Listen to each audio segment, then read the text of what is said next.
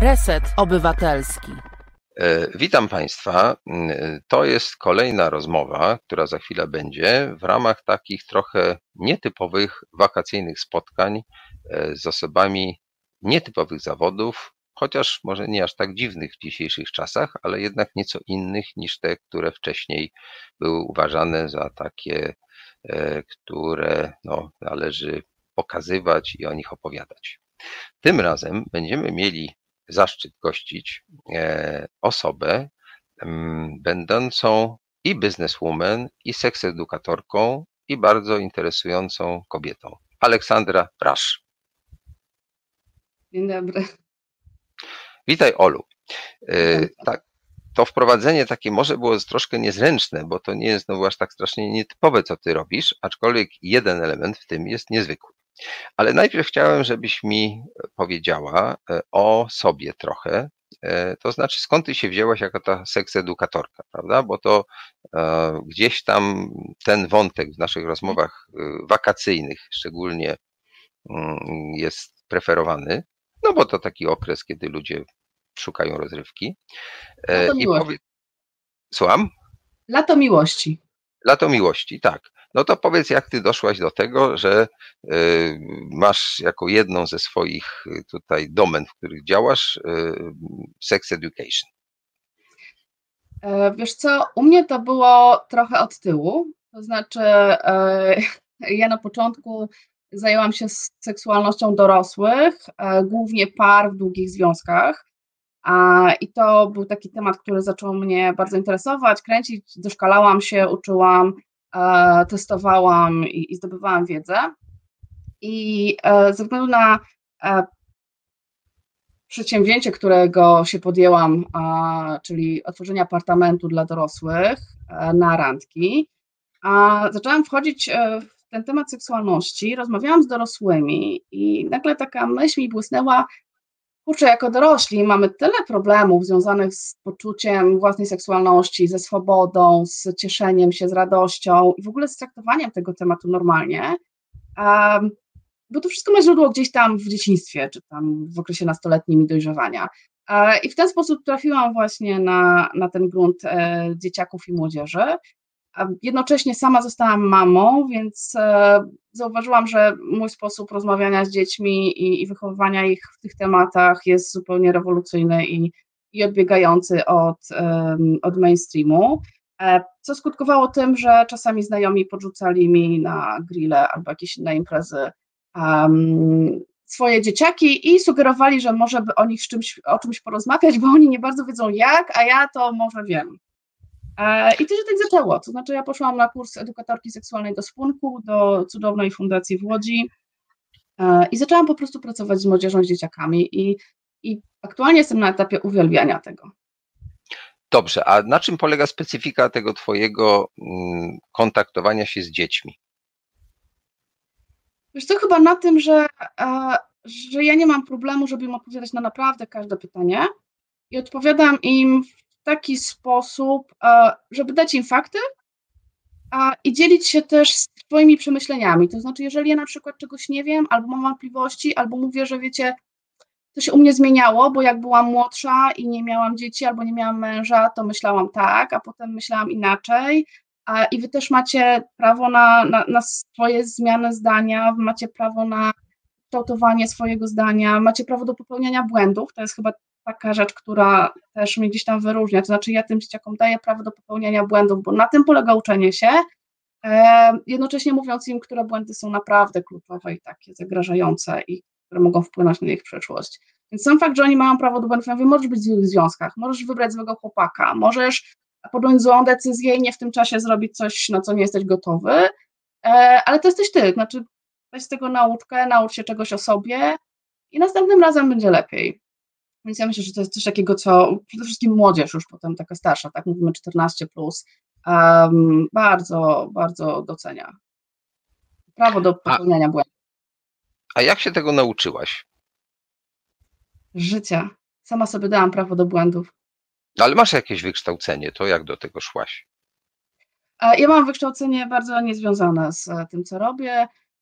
Chociaż nie wiem, z drugiej strony w dzisiejszych czasach, biorąc pod uwagę, jak jest traktowana edukacja seksualna i, i czym się grozi edukatorom, to może sam fakt, że mam wykształcenie prawnicze i sporo znajomych adwokatów, którzy w razie czego mnie wyciągną, na coś mi się przyda. E, nie no, wiesz, to jest, to jest trochę tak. E, jak miałam naście lat, mówiono, wybierz sobie zawód i zawód wybierasz na całe życie. I tylko o Amerykanach mówiono, że oni kilkanaście razy w ciągu życia zmieniają zawód. I teraz nagle ja odkryłam, że absolutnie się do mnie też stosuje. To znaczy, co kilka lat mogę być kimś zupełnie nowym, zdobyć nowe umiejętności, nową wiedzę. Um, tam ci po prostu mnie to ciekawi, czyli nie czekać na wypalenie zawodowe, a iść w tym kierunku, który akurat, e, akurat gdzieś mnie tam zainteresował. E, stąd właśnie teraz ta edukacja seksualna. To jest coś, co teraz jest moim konikiem i to jest coś, co, co mnie kręci. Dobrze, ja teraz chcę powiedzieć tak, że zostałem tego nauczony. To jest, myślę, zdrowa zasada, e, że o pewne rzeczy albo się nie pyta, albo nawet jak się pyta, znaczy nie się, właśnie kogoś pyta, to y, trochę nie wypada o to pytać, a także osoba, która otrzymuje, że tak powiem, takie pytanie, słyszy, słyszy takie pytanie, nie musi na to odpowiadać. Dotyczy to kilku spraw. Mhm. E, światopoglądu w zakresie powiedzmy religijnym, y, przekonań politycznych, wiem, zarobków i tak dalej. No chyba, że jesteśmy osobą publiczną, płaconą z publicznych pieniędzy, to pewnie musimy jakoś zdawać sprawę, ile zarabiamy. E, ale o preferencje seksualne, wyznanie i tak dalej zasadzie pytać nie wolno, nie należy. To nie jest dobrym tonie. W tym wypadku jednak stąpamy po takim terenie troszkę innym. I co prawda, kiedy robiłem film pod tytułem Pani od seksu i się uczyłem, jak to jest, no to ten edukator seksualny mm, absolutnie nie powinien e, ze swoim prywatnym doświadczeniem e, wchodzić e, w te zajęcia, prawda? I jeśli taki uczeń by próbował go zaczepiać, czy uczennica, mówiąc, a jak pani to robi, a dlaczego pani nam mówi to tak, a to pani też tak lubi, no to edukator jak ma się wtedy zachować? Wiesz co, to jest świetna okazja, żeby nauczyć te dzieciaki, dzieciaki, młodzież, no wymiennie, e, właśnie tych granic i asertywności. To znaczy, jeśli ja dostaję pytanie, czy pani, czy to jest tak, że nie wiem, że jak dziewczyna się zgodzi na seks na drugiej, trzeciej rance, to znaczy, że jest nic nie warta, no to wtedy e, ja mogę podać swoją opinię, tak? I, albo, ale to prędzej prowokuje do pytania, dlaczego, skąd tak myśli, skąd taki pogląd. Ale jeżeli ktoś się mnie spyta, a pani na której randce chodzi, e, dopuszcza, e, wydaje zgodę na seks, no to w tym momencie to jest moment, w którym ja ich uczę swoich granic i mówię, słuchajcie, nie mam ochoty albo nie czuję się e, na właściwym miejscu, żeby z wami o tym rozmawiać. To nie jest temat, z którym do was przyszłam i ja nie będę się tym tematem dzielić. A więc e, oni też otrzymując taki komunikat, e, zaczynają się uczyć, że są pytania, na które można powiedzieć, nie odpowiem ci na to pytanie. Nie odpowiem ci na to pytanie, to jest moja granica, ja właśnie o tym nie będę rozmawiać. Więc tak, są pytania, które jeżeli one są bezpośrednio dotyczące jakiegoś mojego życia, to ja je będę ucinać, e, albo po prostu mówiąc, że to jest coś prywatnego i o czym ja nie mam ochoty rozmawiać e, i nie będę się dzieliła e, na forum publicznym. Ale jeżeli są to pytania dotyczące, nie wiem, czegoś, co wiem, że mogę im pomóc, czyli na przykład właśnie tego, co zrobić, jak się w okresie nastoletnim ma złamane serce i się wydaje człowiekowi, że świat się zawalił i już nic nie ma sensu, to była pierwsza i prawdziwa miłość. Oczywiście, że mogę się podzielić swoim wspomnieniem i, i swoją refleksją na tą pierwszą miłość i na to, co ona daje i co robi, tak? Jeżeli ja powiem o czymś takim swoim, to brzmi chyba bardziej autentycznie niż jakbym, nie wiem, cytowała jakieś statystyki albo tabelki. No tak, bo to jest taka dosyć delikatna sprawa, ponieważ osobisty przykład wychowawcy, no bo ty występujesz troszkę w takiej roli, jest istotny, prawda? A z drugiej mhm. strony y, istnieje jednak ta granica, istnieje ta ściana, e, ponieważ y, no, nie jest tak naprawdę dla Twojej wiedzy najważniejsze, albo w ogóle to nie powinno być ważne, jakie ty miałaś życiowe perypetie, ponieważ ty, jak rozumiem, dysponujesz pewną wiedzą, która jest e, dorobkiem seksuologów, pedagogów i tak dalej. I te rady, których udzielasz, to nie udzielasz na podstawie swojej przygody z Michałem czy Jasiem, tak? Tylko na podstawie tego, czego cię nauczył, nie wiem, profesor Jaczewski, już nieżyjący profesor Izdebski i tak dalej. Dobrze to rozumiem? Bardzo dobrze i cieszę się, że o tym powiedziałeś, bo e, to, co się robi na takich zajęciach z edukacji seksualnej, to nie jest w przeciwieństwie do paru innych e, zajęć w szkole, to nie jest światopogląd. My tam nie mówimy o moralności, my tam nie mówimy o tym, co jest dobre, a co jest złe, mówimy, co jest bezpieczne, co jest niebezpieczne.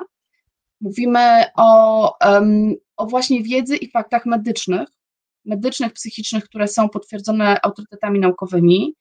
Um, natomiast co ktoś z tym zrobi i czy przyjmie ten fakt, czy go potraktuje, czy włączy w swój światopogląd, czy nie, to jest już indywidualna decyzja każdego. Ja na tych zajęciach nikogo nie oceniam, e, nawet jeżeli ktoś się prezentuje postawę absolutnie sprzeczną z tym, jaką ja prezentuję, tak? Czyli wygłasza jakieś poglądy albo trwa przy jakichś poglądach, które dla mnie są nie do przyjęcia, to ja na nie nie będę wpływać, dopóki on w czasie lekcji nie będzie krzywdził innych, to znaczy nie będzie stosował słów i, i stwierdzeń, które poniżają innych.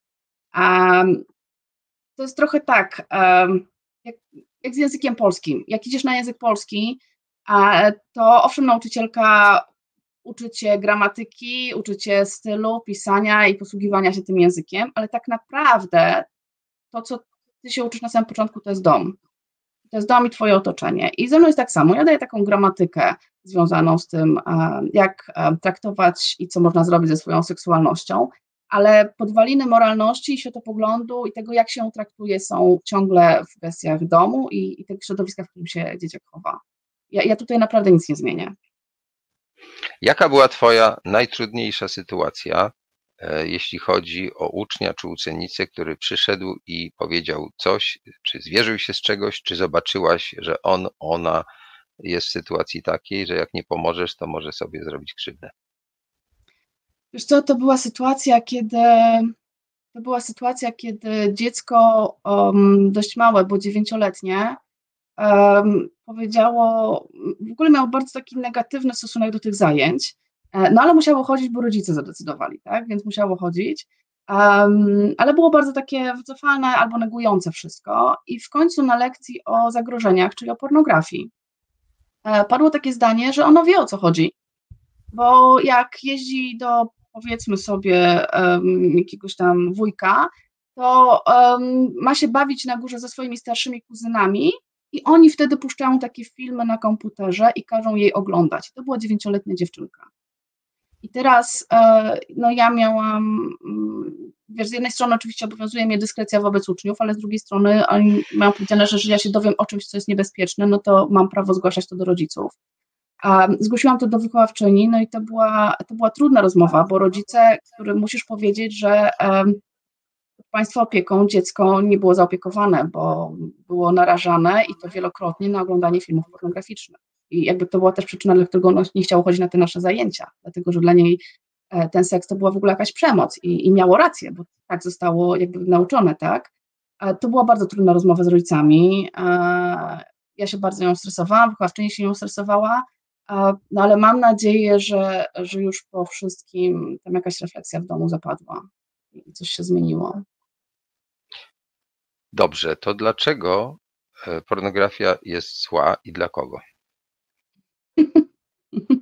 Wiesz co, to tak jak pytanie, czy, e, dlaczego alkohol jest zły i dla kogo? No, to trochę podobnie. To jest trochę podobnie. Podobnie. podobnie. Znaczy na pewno jest, e, jest absolutnie niewskazana dla, um, dla młodzieży, dla dzieciaków, dlatego że Dlaczego? ona nie, dlatego, że ona nie pokazuje seksu. Dzieciaki oglądają pornografię, bo chcą się czegoś dowiedzieć o seksie, bo są ciekawi, człowiek jest ciekawy z natury i to jest super. E, ich jedynym czasami sposobem dowiedzenia się, no bo weź, no tak na logikę, no, no każdy jest zainteresowany i jak to się dzieje, jak to się mieści, jak to się wchodzi, w ogóle, ale o co chodzi z tym seksem i każdy chciał to zobaczyć. I, i, I twoje pokolenie, i moje, i następne, wszyscy będą zaciekawieni, jak to się dzieje. Um, tylko, że wchodzą na te strony pornograficzne i one tam nie widzą seksu. One tam widzą um, jakąś totalną science fiction, przede wszystkim pełne przemocy, e, traktowania przedmiotowego kobiet, um, rzeczy, które jeżeli będą próbowali powtórzyć w związku, jak w końcu zaczną być w związku, mogą nawet doprowadzić do uszkodzenia ciała, do jakichś skutków na zdrowiu. I ich nikt o tym nie uprzedza. Jak oglądamy filmy ze Spider-Manem, to wszyscy wiemy, że generalnie nie chodzi się po ścianach wieżowca. Przynajmniej bez uprzęży, tak?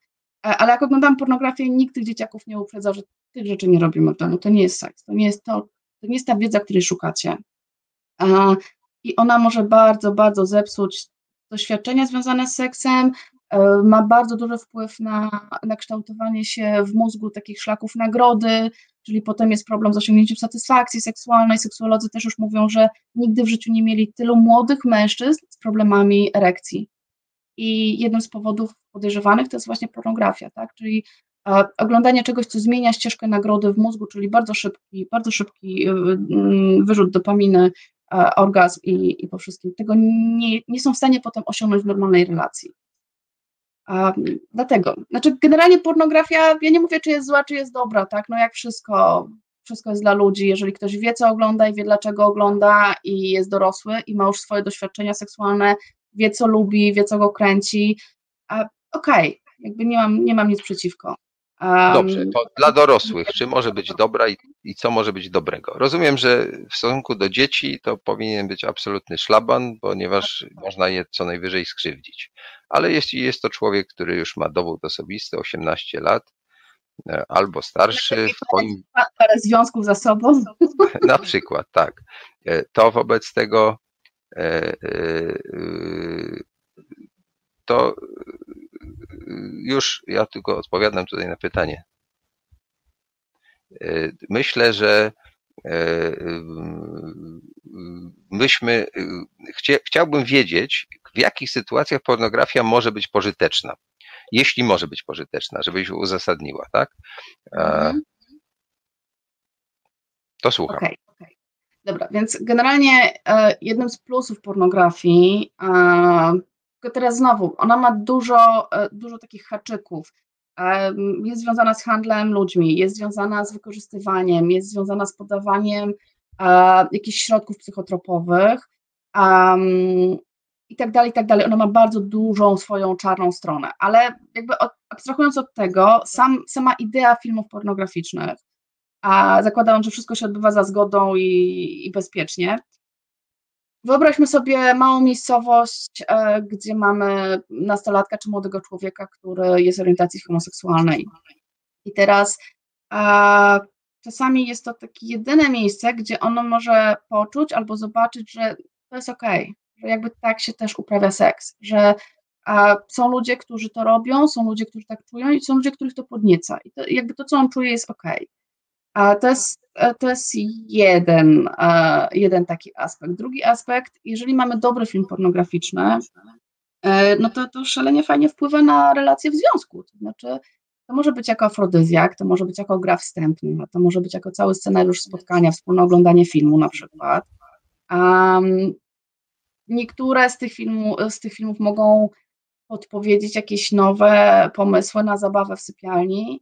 Um, mogą e, spowodować, że też nasze po, nasz poziom podniecenia gdzieś tam będzie wzrastał, bo e, jeżeli się czymś karmimy i teraz znowu, jeżeli się karmimy czymś dobrym i zdrowym, no to mamy więcej pozytywnych zasobów w sobie, tak? Więc fajnie jest wybierać takie filmy, które e, więcej nam dają niż zabierają, czyli rozbudzają naszą wyobraźnię erotyczną, naszą pomysłowość, naszą wrażliwość na różnego rodzaju bodźce.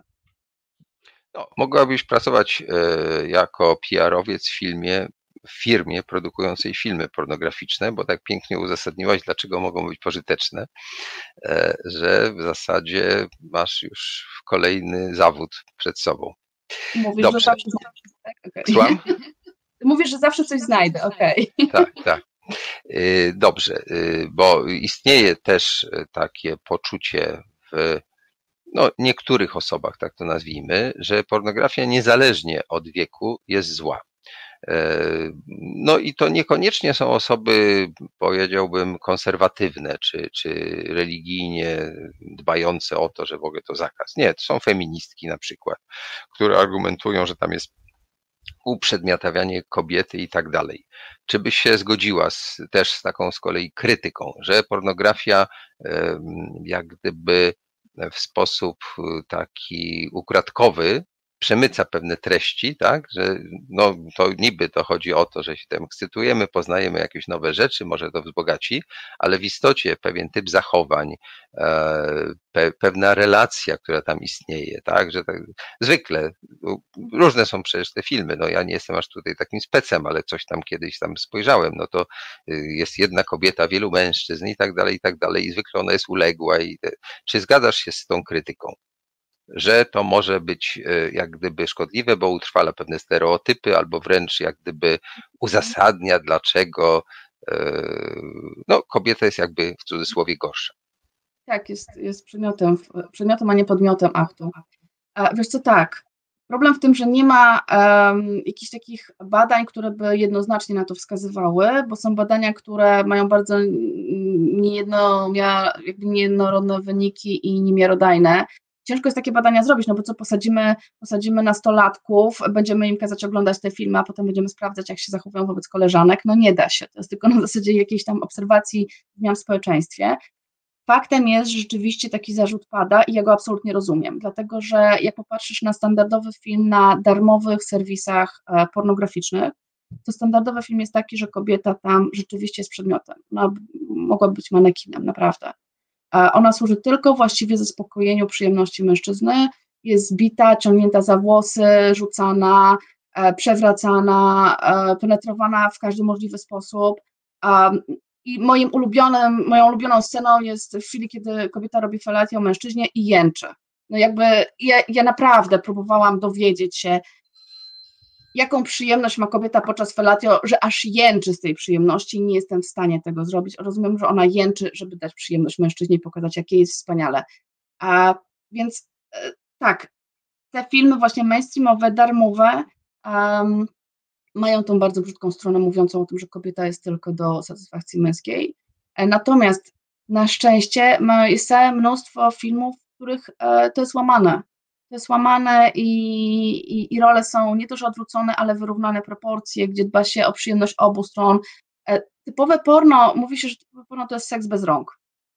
Czyli tam nie masz dotyku, nie masz pieszczenia, nie masz przytrzymania, nie masz pogłaskania, e, no niczego. Ręce, ręce zasłaniają kadr w kamerze, w związku z powyższym te ręce się zwykle gdzieś tam trzyma za plecami albo ukryte, no bo one nie mogą zasłaniać.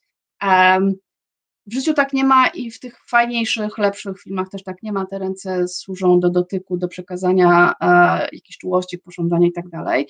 Tylko niestety są to filmy płatne. Są najczęściej serwisy płatne i filmy płatne. No i teraz znów, którego 15, 16, 17, nawet 20-latka stać na regularny abonament, e, nie wiem, 20 dolarów e, miesięcznie, jeżeli może mieć takiego PornTube'a albo coś innego za darmo, tak? E, to jest ten problem. Ja rozumiem, że ty rzeczywiście mogłabyś być prawnikiem, skoro masz takie wykształcenie i możesz być zarówno prokuratorem, jak teraz tutaj to brzmi, jak i adwokatem. I w tej samej sprawie, jak to prawnicy, potrafisz powiedzieć, nie, nie, to w ogóle jest fantastyczne, albo nie, nie, to jest w ogóle fatalne. Tutaj doceniam Twoją elastyczność w tym zakresie. E, e, myślę, że e, to jest coś, co jakby jest ważne chyba też w tym zawodzie, który uprawiasz, e, ponieważ, e, jakby to powiedzieć, e, rozumiem, że sprzedajesz wiedzę, tak?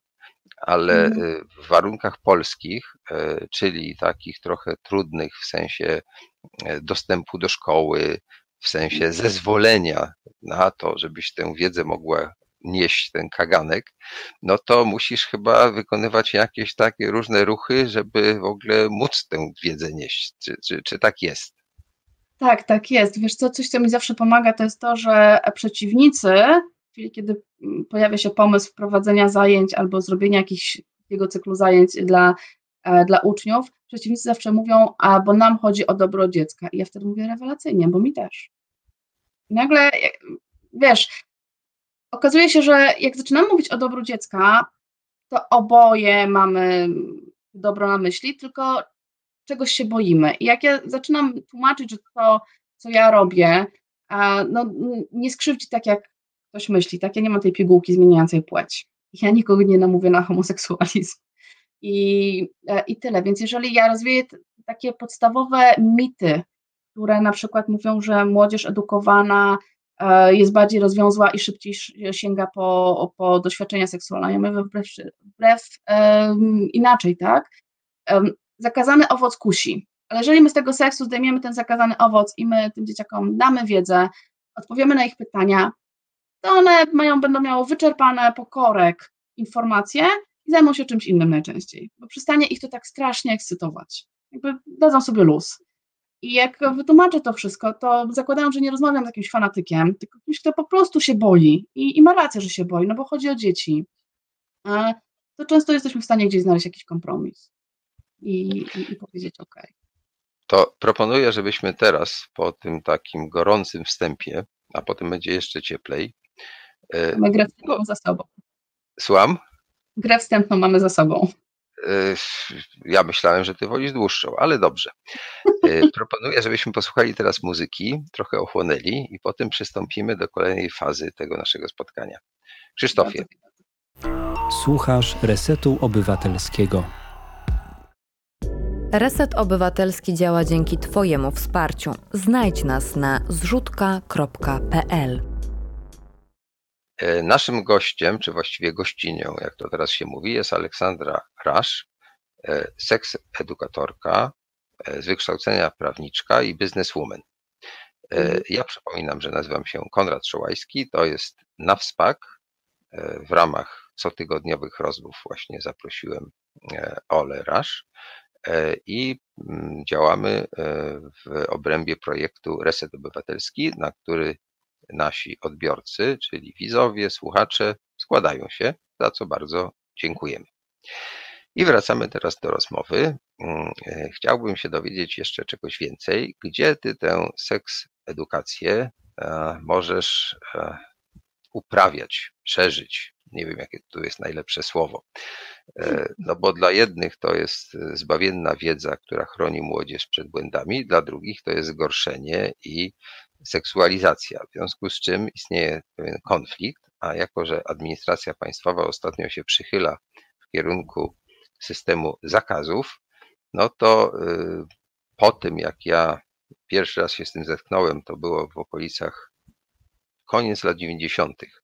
Wtedy ten przedmiot wszedł do szkół i wtedy już był e, jak gdyby z jednej strony zalecany, tak, ale z drugiej strony już był nacenzurowany. No, a od tej pory zrobiło się, zdaje się, gorzej, a nie lepiej. No to jak ty robisz, że, że w ogóle możesz to robić? To jest pytanie bardzo na czasie, dlatego, że powiem Ci, że to jest coś, co mi spędza sens powiek teraz. Do tej pory było łatwiej. Ostatnie pomysły pana ministra o tym, że to w ogóle nie rodzice i nie dyrektorzy będą decydować o tym, jakie zajęcia są e, w szkole prowadzone. No to wszystko zmierza do tego, żeby po prostu nam narzucić jeden, jeden światopogląd zgodny ze światopoglądem pana ministra edukacji i tyle. Czyli to jest odbieranie tak naprawdę też rodzicom e, dużej części władzy rodzicielskiej. Nie wiem, jak to się skończy. Wiemy już, że wejście do szkół do tej pory było trudne, ale mm, jeżeli był dyrektor, dyrekcja przychylni i jeszcze jak e, fajnie było, jak jeszcze władze samorządowe rozumiały ideę i, i też były za, e, no to się dało. To się po prostu dało i, i robiliśmy takie, takie zajęcia w szkołach. Teraz to już będzie naprawdę trudno, nie wiem, nie wiem co będzie od września. E, dużym problemem był ten czas epidemii i pandemii, kiedy mm, były zajęcia online, więc wszelkie dodatkowe zajęcia wypadły z grafików. E, mieliśmy też przerwę, e, ale nie poddajemy się. Wiesz, to jest kagane jako światy, go trzeba nieść. I tak się trochę śmiejemy w swoim własnym gronie, że im jest trudniej, tym jest ciekawiej. To znaczy, im jest trudniej, tym my szukamy kolejnych sposobów. To mm, zastanawiam się nad e, współpracą z domami kultury, z bibliotekami, z jakimiś klubami młodzieżowymi. To, co nas cały czas jakby daje nam wiatr w skrzydła, to jest to, że młodzież w ankietach, w rozmowach, w mailach e, cały czas chce tych zajęć. Jeżeli oni chcą, to my wiemy, że oni przyjdą, tylko my musimy zorganizować im miejsce i, i czas. I jeżeli my im to zorganizujemy i, i damy, to oni przyjdą na to. Więc, no więc spoko, nie poddajemy się. Tak, to teraz bym chciał mm, Cię zapytać o sprawę Twojego apartamentu. To jest reklamowane jako luksusowy apartament B&B dla zakochanych, stworzony Mhm. specjalnie na namiętną randkę w blasku świec. Idealny na walentynki. E, Jak I ci podoba hasło? słucham, Jak ci się podoba hasło? e, e, że to na walentynki, czy że dla zakochanych? Tam dla zakochanych, w blasku świec i namiętna i w ogóle. Wydaje mi się, że to jest ok, aczkolwiek to jest y, niezaskakujące, bym powiedział. I y, jakby to ująć.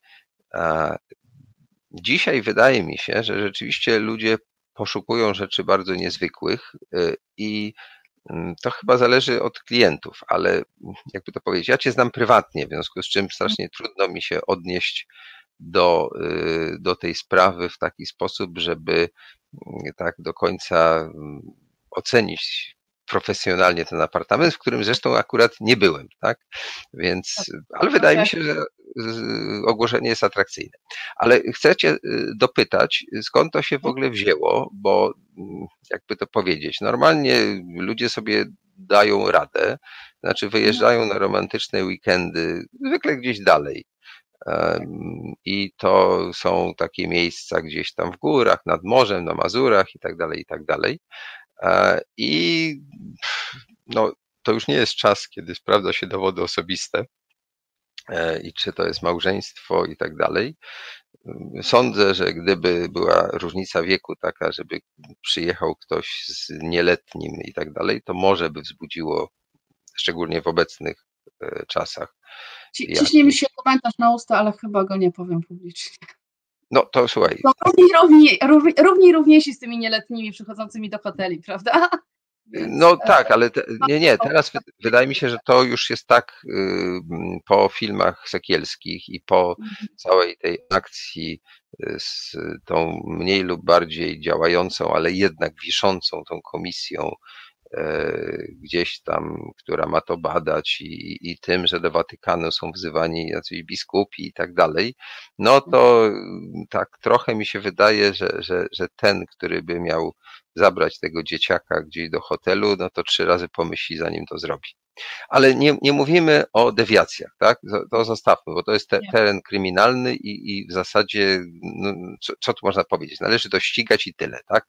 Nie, nie, nie, nie, nie ma tutaj zmiłuj, tak? To powinno być. Nie, w- tutaj, tutaj nie jestem w stanie żadnego argumentu dać na tak, tu, tu powinno to być wy, wyplenione i koniec, tak? Należy tylko jakby doprowadzić do tego, żeby służby stosowne tak działały, żeby rzeczywiście nie było strefy ochronnej dla nikogo, bo to jest jedna z takich zbrodni, które no, ale nie chcę w to wchodzić, to jest po prostu okropne i tyle. My raczej tu szukamy pozytywów i e, mm, rozumiem, że twój apartament nie ma się z tym kojarzyć, tylko raczej on służy radości. Ale skąd się w ogóle wziął ten pomysł, żeby to zrobić nie gdzieś tam daleko, tak, tylko blisko, ale w pewnej odległości, tak, że ci ludzie, którzy tam pojadą, tak, to nie są w centrum Warszawy, tylko w granicach tam, nie wiem, 40 czy 50 minut dojazdu.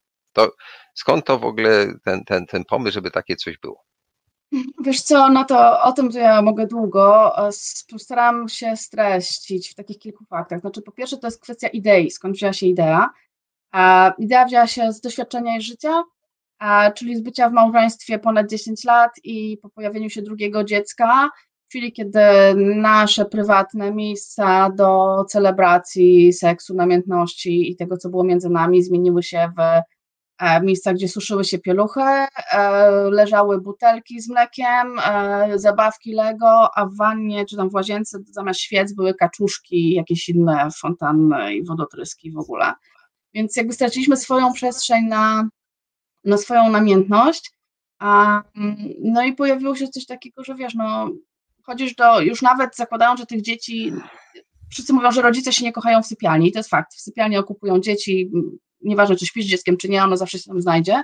A ryce mm, są bardzo kreatywni, no ale stół w kuchni trzeba sprzątnąć po kolacji, tak, i rozciapcianym pomidorku albo czymś jeszcze. E, Nie wiem, kanapa w salonie jest ok, ale podczas seksu widzisz um, stertę prania do prasowania i ochota spada zupełnie. E, Jakby ten domowy, ta domowa przestrzeń em, no, jest inna. Może dlatego się chodzi na koncerty, a nie słucha non-stop muzyki e, z nawet najlepszego sprzętu w mieszkaniu, bo koncert ma inną atmosferę, po prostu jest coś innego. I tak samo z tym seksem, fajnie jest go uprawiać e, w domu, bo czasami dawałam, dostawałam pytanie, no ale czy to nie można tradycyjnie w domu? Ja mówię, no można tradycyjnie w domu, ale czasami warto wyjść, bo każda zmiana, e, każda zmiana po prostu działa podniecająco. To jest inne ubranie, to jest, to jest trochę inne nastawienie, to jest inna sceneria, więc warto wyjść. I rzeczywiście ludzie wychodzili, wychodzili, jeździli do spa, jeździli do jakichś e, hoteli, pałacy, coś takiego, gdzie mieli super romantyczny pobyt i romantyczny pobyt to były płatki róż na pościeli e, i tyle. Ale ściany, przez które było słychać drugą parę obok. I właściwie no, tym wnętrza, często to były wnętrza, gdzie również mógł pojechać biznesmen na konferencję, jak i małżeństwo na gorący seks, więc te wnętrze było bardzo nijakie. Um, I myśmy zaczęli szukać takiego miejsca dla siebie, to znaczy, gdzie możemy na chwilę wyrwać się z roli bycia rodzicem. I nie znaleźliśmy. Znaczy, nie znaleźliśmy nigdzie takiego, żeby się dało wyrwać na jeden dzień, bo ja rozumiem, że na, mm, nie wiem, są piękne pałace na Pomorzu albo gdzieś tam mm, we Wrocławiu czy coś, ale no jednak ja się chciałam na jedną noc wyrwać, bo to trzeba zapłacić za opiekunkę.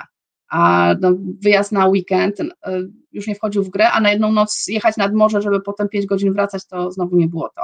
No i zostawały nam takie perełki jak, nie wiem, motele przy drodze, gdzie e, równie dobrze mogłam być tą panią, która się spotyka z kierowcami tirów. E, jakby no nie było fajnie. Szukaliśmy, pytaliśmy znajomych, oni mieli dokładnie ten sam problem, nie było fajnie. I jednocześnie e, to była epoka Greya, który niesamowicie rozpalił społeczeństwo, co mnie zafascynowało, bo zaczęłam się zastanawiać, o co chodzi w tym Greyu, co takiego tam się stało. Psychologodzy też, e, też nad tym mocno pracowali, co się takiego stało w tym graju, że tak rozpaliło.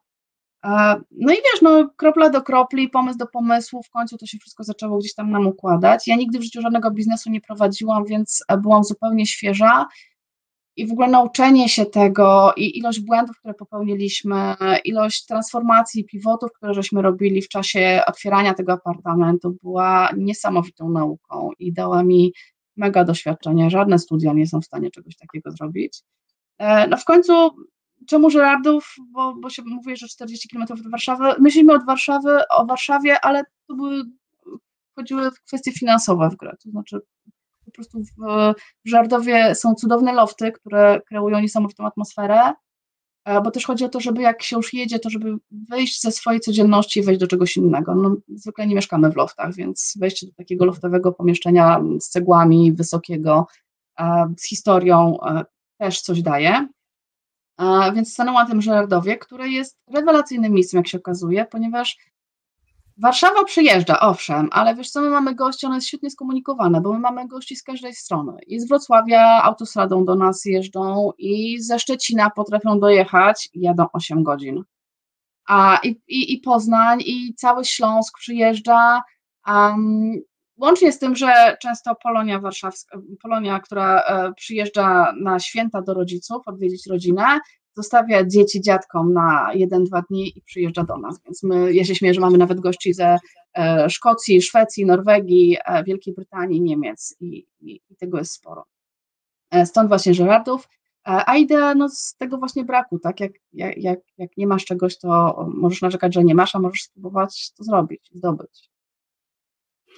No tak, czyli kupiłaś apartament, czy kupiłaś pomieszczenie, wyremontowałaś, nadałaś mu jakieś cechy, no to jakie mhm. są te cechy? Okej, okay. przede wszystkim e, mamy te świece. W hotelu, jak jeździsz do hotelu, nie masz świec, bo masz czujniki dymu, bo są przepisy przeciwpożarowe. U nas nie ma czujników dymu, więc mogą być świece. A, a po drugie, e, takie dyskretne rzeczy, które naprawdę rozpalają wyobraźnię, czyli meble, które mogą służyć do seksu innego niż e, w pozycji misjonarskiej. E, mamy świetną sofę Esse, to jest sofa, która jest zaprojektowana do, do kochania się, to jest sofa taka tantryczna. E, mamy coś, co wszystkich na początku zaskoczyło, czyli stary, typowy kozioł gimnastyczny, wiesz, taki na nówkach, e, ze skórą.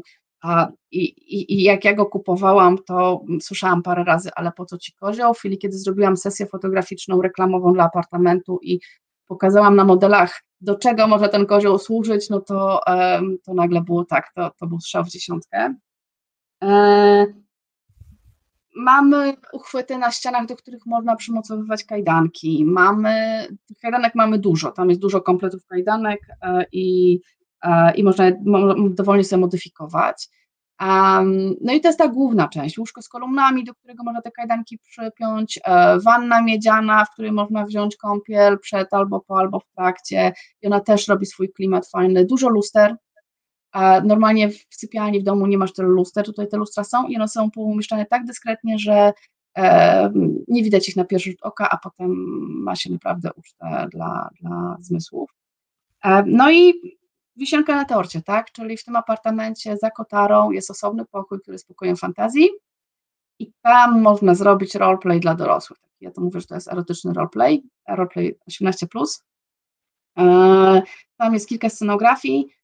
Najbardziej obleganą jest pokój Greya, czyli miejsce, w którym wstawiliśmy trochę sprzętów BDSM-owych i akcesoriów i, i osoby, które nie są ze sceny BDSM-owej i nie chcą w to wchodzić głębiej, ale chcą spróbować, chcą się pobawić, chcą sprawdzić albo coś tam zacząć, mogą spokojnie do nas przyjechać i bez takiego e, wchodzenia w bardzo już takie ekstremalne rzeczy po prostu się zacząć bawić i sprawdzić, jak to na nich działa.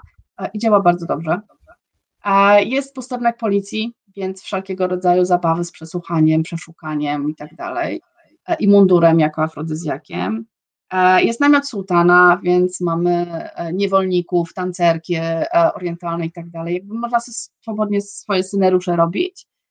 Jest klasa szkolna, czyli wszystkie fantazje związane z podkolanówkami, uczennicami, surowym nauczycielem albo surową nauczycielką i knomrnym uczniem. A to wszystko jest do zrealizowania. To, co jest, czego się nie da właśnie zrobić w domu, to znaczy w domu nie masz scenografii, bo możesz się przebrać za, za nie wiem, za uczennicę, ucznia, no ale co zrobisz? No wejdziesz do sypialni w tym przebraniu i co dalej? A u nas masz poprowadzić lekcje, masz biurko, masz, e, masz e, tablicę, masz podręczniki, masz plansze anatomiczne, masz poprowadzić lekcje i to się toczy, ten scenariusz się po prostu sam toczy, e, jest o wiele łatwiej i jest tak bardziej naturalnie, więc łatwiej też przełamać taki wstyd, zażenowanie, poczucie śmieszności i naprawdę można się bawić.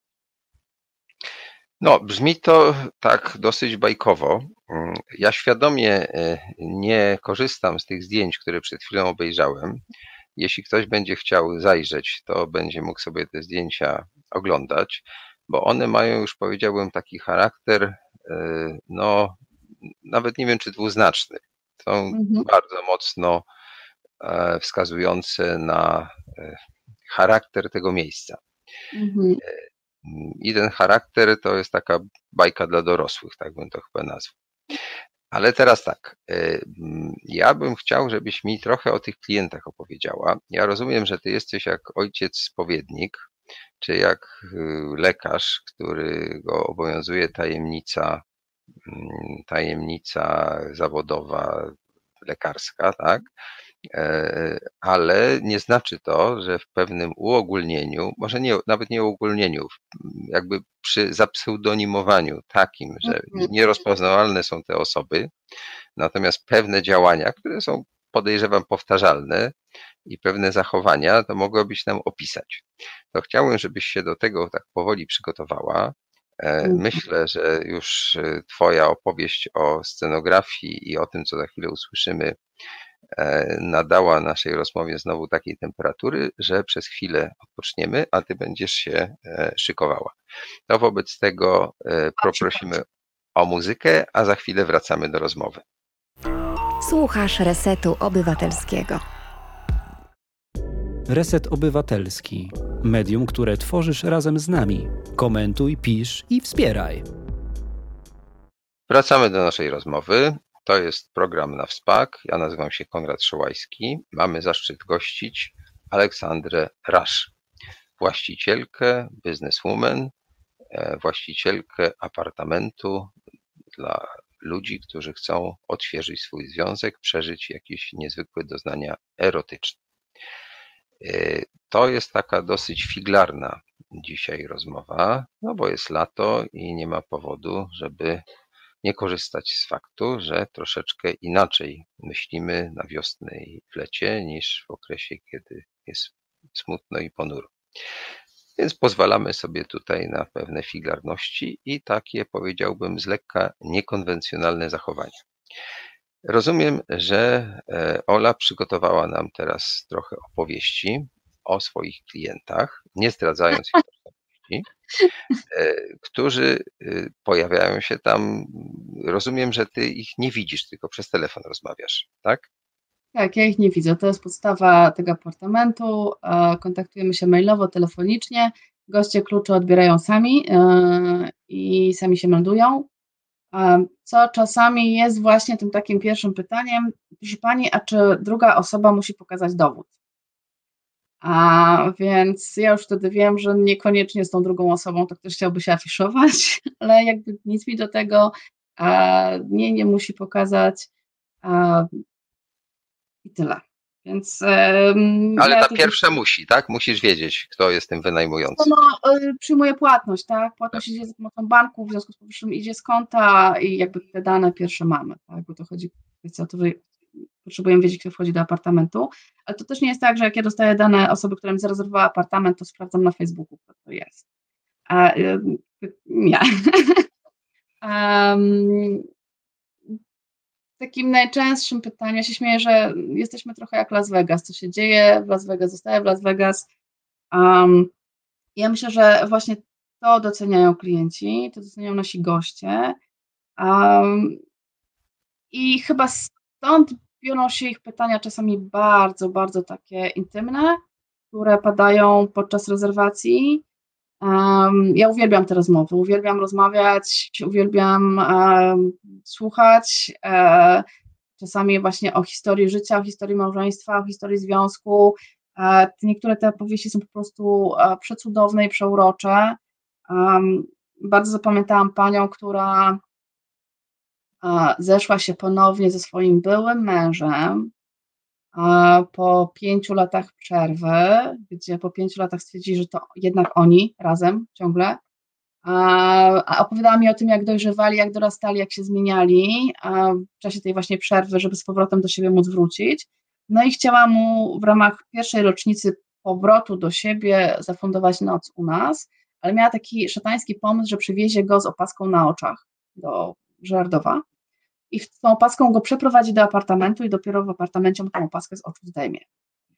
E, no i wszystko pięknie, tylko że ona jeszcze u nas nie była, więc moim zadaniem było przebiegnięcie się od parkingu do apartamentu, nagranie filmu tej drogi, żeby ona po wyjściu z samochodu nie, nie chodziła z tym biednym mężem um, dookoła loftów i szukała właściwej klatki, tylko tak od razu z samochodu mogła bezpośrednio do właściwej klatki zaprowadzić i, i potem odnaleźć apartament. E, pamiętam, że w dniu, w którym mieli przyjechać, ja po prostu siedziałam i cała sparaliżowana mówię, o rana, a jak nie będzie miejsca na tym parkingu? I o najprostszej rzeczy nie pomyślałam, tak?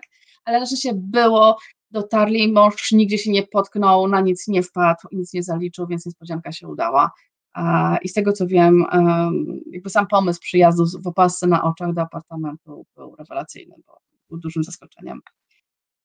Więc to była historia, która mi bardzo utkwiła, bardzo się w nią zaangażowałam takich pytań, e, wiesz, takich kliniczne studium przypadków, z takich pytań najczęstszych, które się u nas pojawiają, to jest to, czy e, można wejść więcej niż dwie osoby.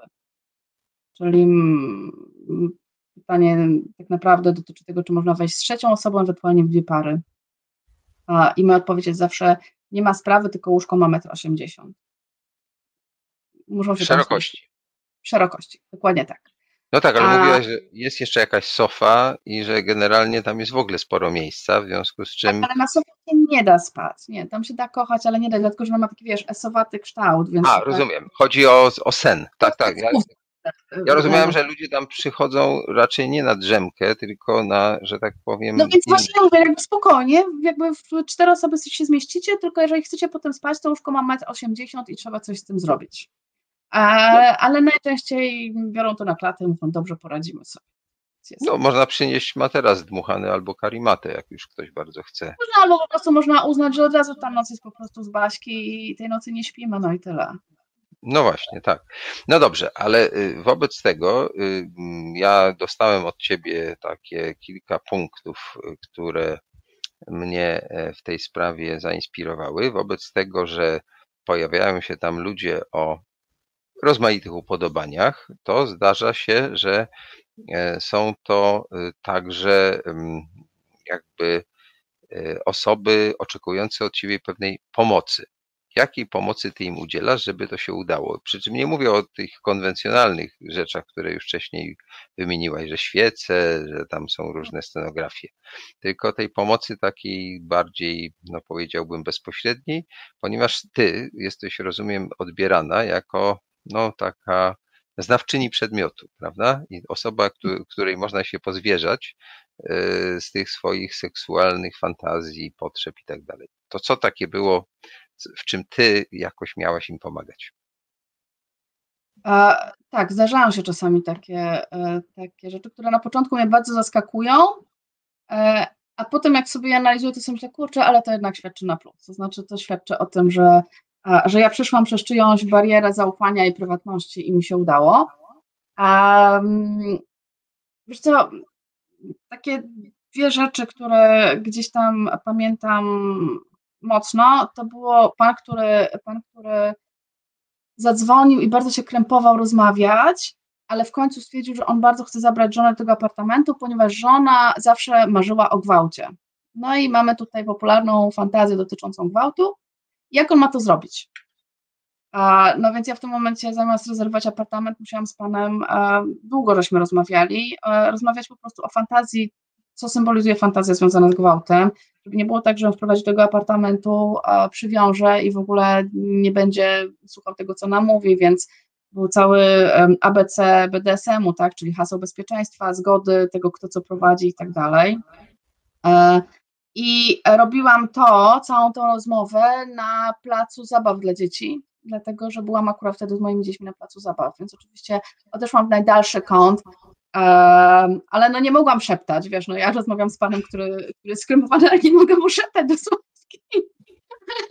Więc jak mi podbiegało jakieś dziecko, nawet nie moje, tylko cudze gdzieś za blisko i mogło coś usłyszeć, to ja oczywiście uciekałam w drugi kąt tego placu zabaw i tak się po prostu ganiałam po tym placu zabaw, żeby tylko e, żadne nieletnie nie usłyszało niczego nieodpowiedniego. E, staram się oczywiście zachować profesjonalny ton, e, zero zadyszki i, i odpowiadać na pytania pana i, i pomóc mu zrealizować fantazję żony, ale tak, żeby nikogo nie skrzywdzić. Więc w ogóle, że ktoś mi o czymś takim powiedział, było myślę bardzo dużym zaufaniem. Um, I czymś, co jeszcze mnie bardzo mm, rozśmieszyło, ale też nie mogłam tego powiedzieć w trakcie rozmowy telefonicznej. Um, zadzwonił pan, który e, najpierw właśnie spytał o to wejście więcej niż dwie osoby, a, a potem zaczął opowiadać, że oni mają taką parę znajomych, z którymi już tam byli na różnych miejscach i byli nago w saunie i gdzieś tam na basenach, na takiej nocy dla dorosłych, gdzie można nago pływać. No i tam takie śmiechy, chichy. I że oni to chyba tak jednak by chcieli, żeby te dwie pary przekroczyć tą barierę intymności i żeby tak już się z sobą zabawić i powymieniać partnerami, wszystko pięknie, oni czytali, rozmawiali, żartowali, no ale ciągle nie mieli tej śmiałości. I E, on mam takie pytanie, czy ja mogłabym, kiedy oni tam wejdą do tego apartamentu, wymyśleć im jakieś takie wspólne zabawy, aktywności, które pomogą im przełamać ten wstyd. I ja wtedy pomyślałam, że właśnie dostałam ofertę kolejnej pracy, czyli bycia takim wodzirejem na przyjęciach dla początkujących swingersów. no i e, no odmówiłam, odmówiłam, ale zaczęłam się, powiem Ci szczerze, zaczęłam się wtedy zastanawiać, e, co mogłoby być taką aktywnością, która, która mogłaby im pomóc przełamać, e, przełamać te lody. I potem jak Pan już zadzwonił rezerwując ten apartament, no to parę pomysłów mu podałam, co mogą porobić, żeby, żeby było im łatwiej i tyle. Zdradzisz, jakie to pomysły? Wiesz co, tu wracamy do pornografii. Czyli no. puszczenia filmu, w którym mamy, e, w którym mamy fajne dwie pary, normalnych ludzi, e, które po prostu zaczynają się wymieniać partnerami podczas jakiegoś tam przyjęcia, tak? I, um, i, i tego po prostu puszczenia na początek i zobaczenia, co będzie dalej. Czyli taki wzorotwórczy film. Tak. Pobawmy się w Indiana Jonesa w formie wideo, rozumiem. No, to interesujące, że ty zaczynasz pełnić rolę takiego właśnie doradcy w tym zakresie, e, ale pamiętam, że e, podawałaś mi także informacje e, o tym, że mm, no, to jest taki już kierunek BDSM. Gdzieś Mhm. tam były pytania o miskę. Pamiętasz to, co mi napisałaś? Tak, tak. Wiesz co, pytań, w ogóle pytań z tego takiego nurtu BDSM-owego mamy dość dużo. Aha. Ja tutaj naprawdę bardzo szybko pozbyłam się, bo jak, jak w tym nie jesteś, to część rzeczy cię zaskakuje, a na zaskoczenie często reagujesz jakimś zażenowaniem albo właśnie e, próbą ośmieszenia czegoś, żeby zdjąć zażenowanie.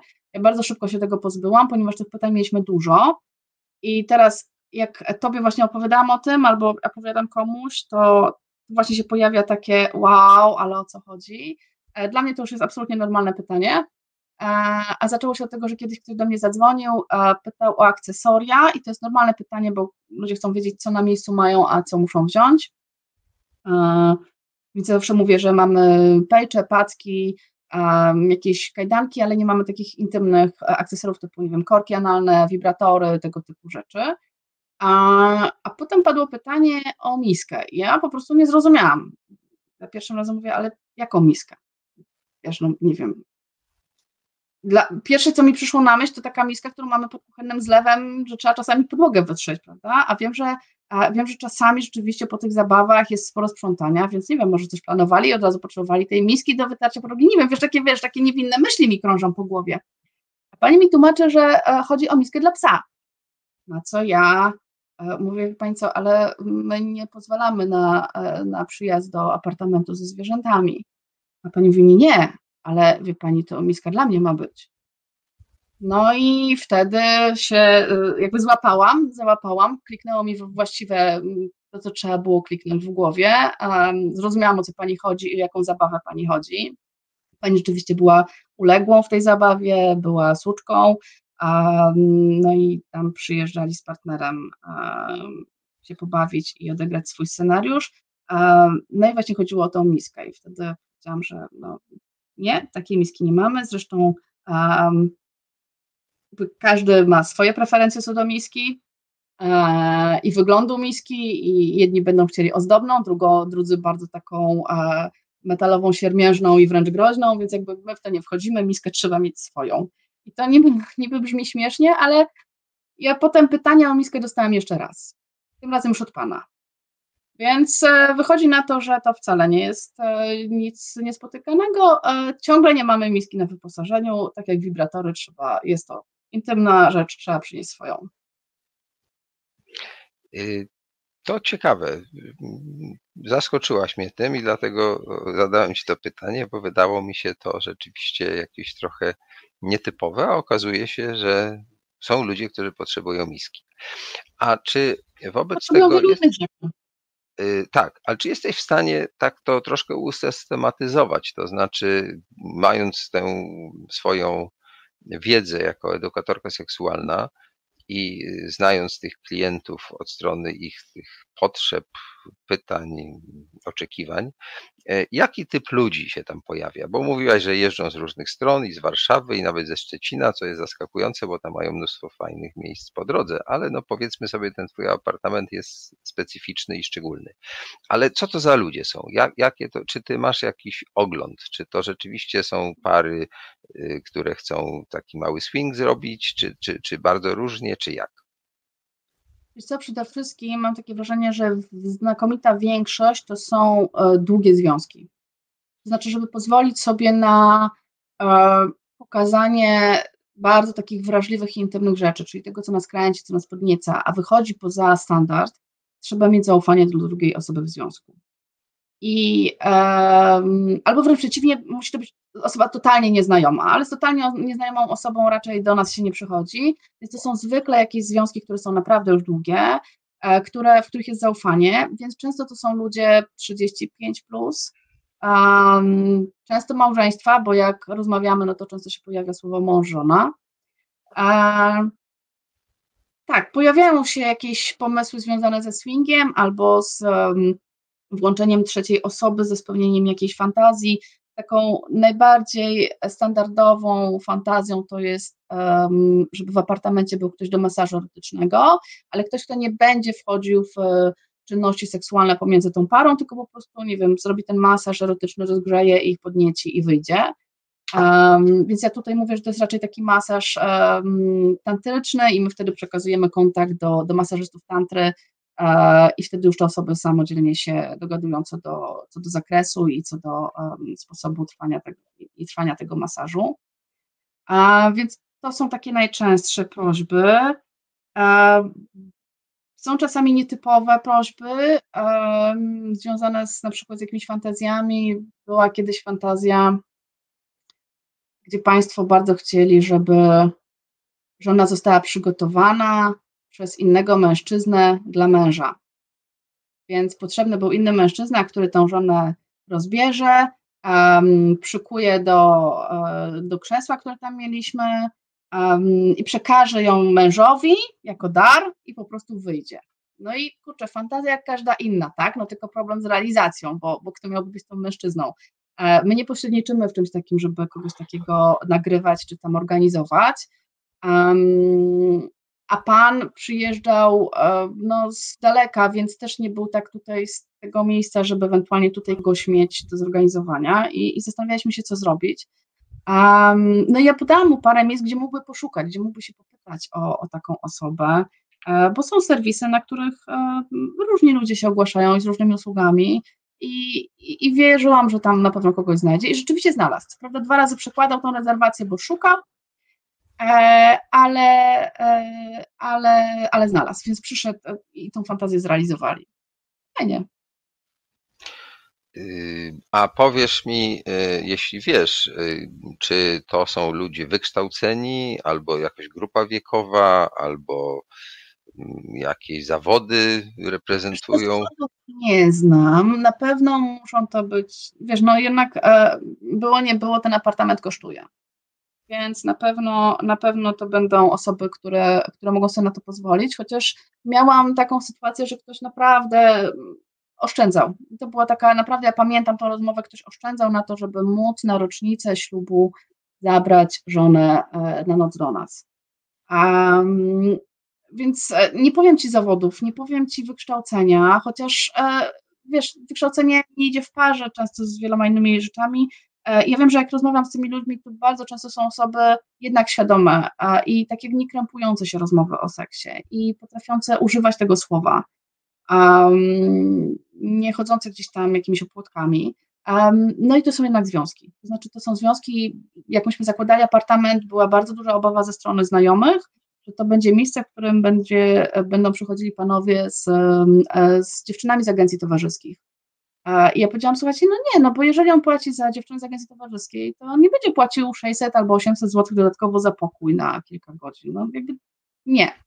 I Um, no nie wiem, być może się tak zdarzyło, ale generalnie ja nie spotkałam się z, w rozmowie z kimś, kto właśnie mówił, że przyjdzie z, z panienką. Tak najczęściej to są właśnie e, stałe partnerki. I tylko dwa razy miałam pytanie, czy my zapewniamy panienki w apartamencie od panów, którzy dzwonili. I byli bardzo rozczarowani, jak się dowiedzieli, że nie. Że trzeba przyjść ze swoją panienką, my to udostępniamy tylko apartament. A y, czy zdarzają się pary nieheteroseksualne? Wiesz co, tak, tak. I ja jestem, e, ja jestem zachwycona tym, że one potrafią do mnie napisać, znaczy zachwycona, to jest złe słowo. Na początku jakby bardzo mi się podobało, że ktoś do mnie napisał i pytał się właśnie, czy to jest problem, że on wejdzie z, z drugim panem albo z drugą panią. I sobie myślałam, kurczę, ludzie mi ufają, skoro, skoro tak się odsłaniają i mówią o tym, a potem sobie myślałam, Boże, w jakim my kraju żyjemy, jeżeli oni muszą mieć jakieś złe doświadczenia z meldowaniem się w jednym pokoju jako para jednopłciowa.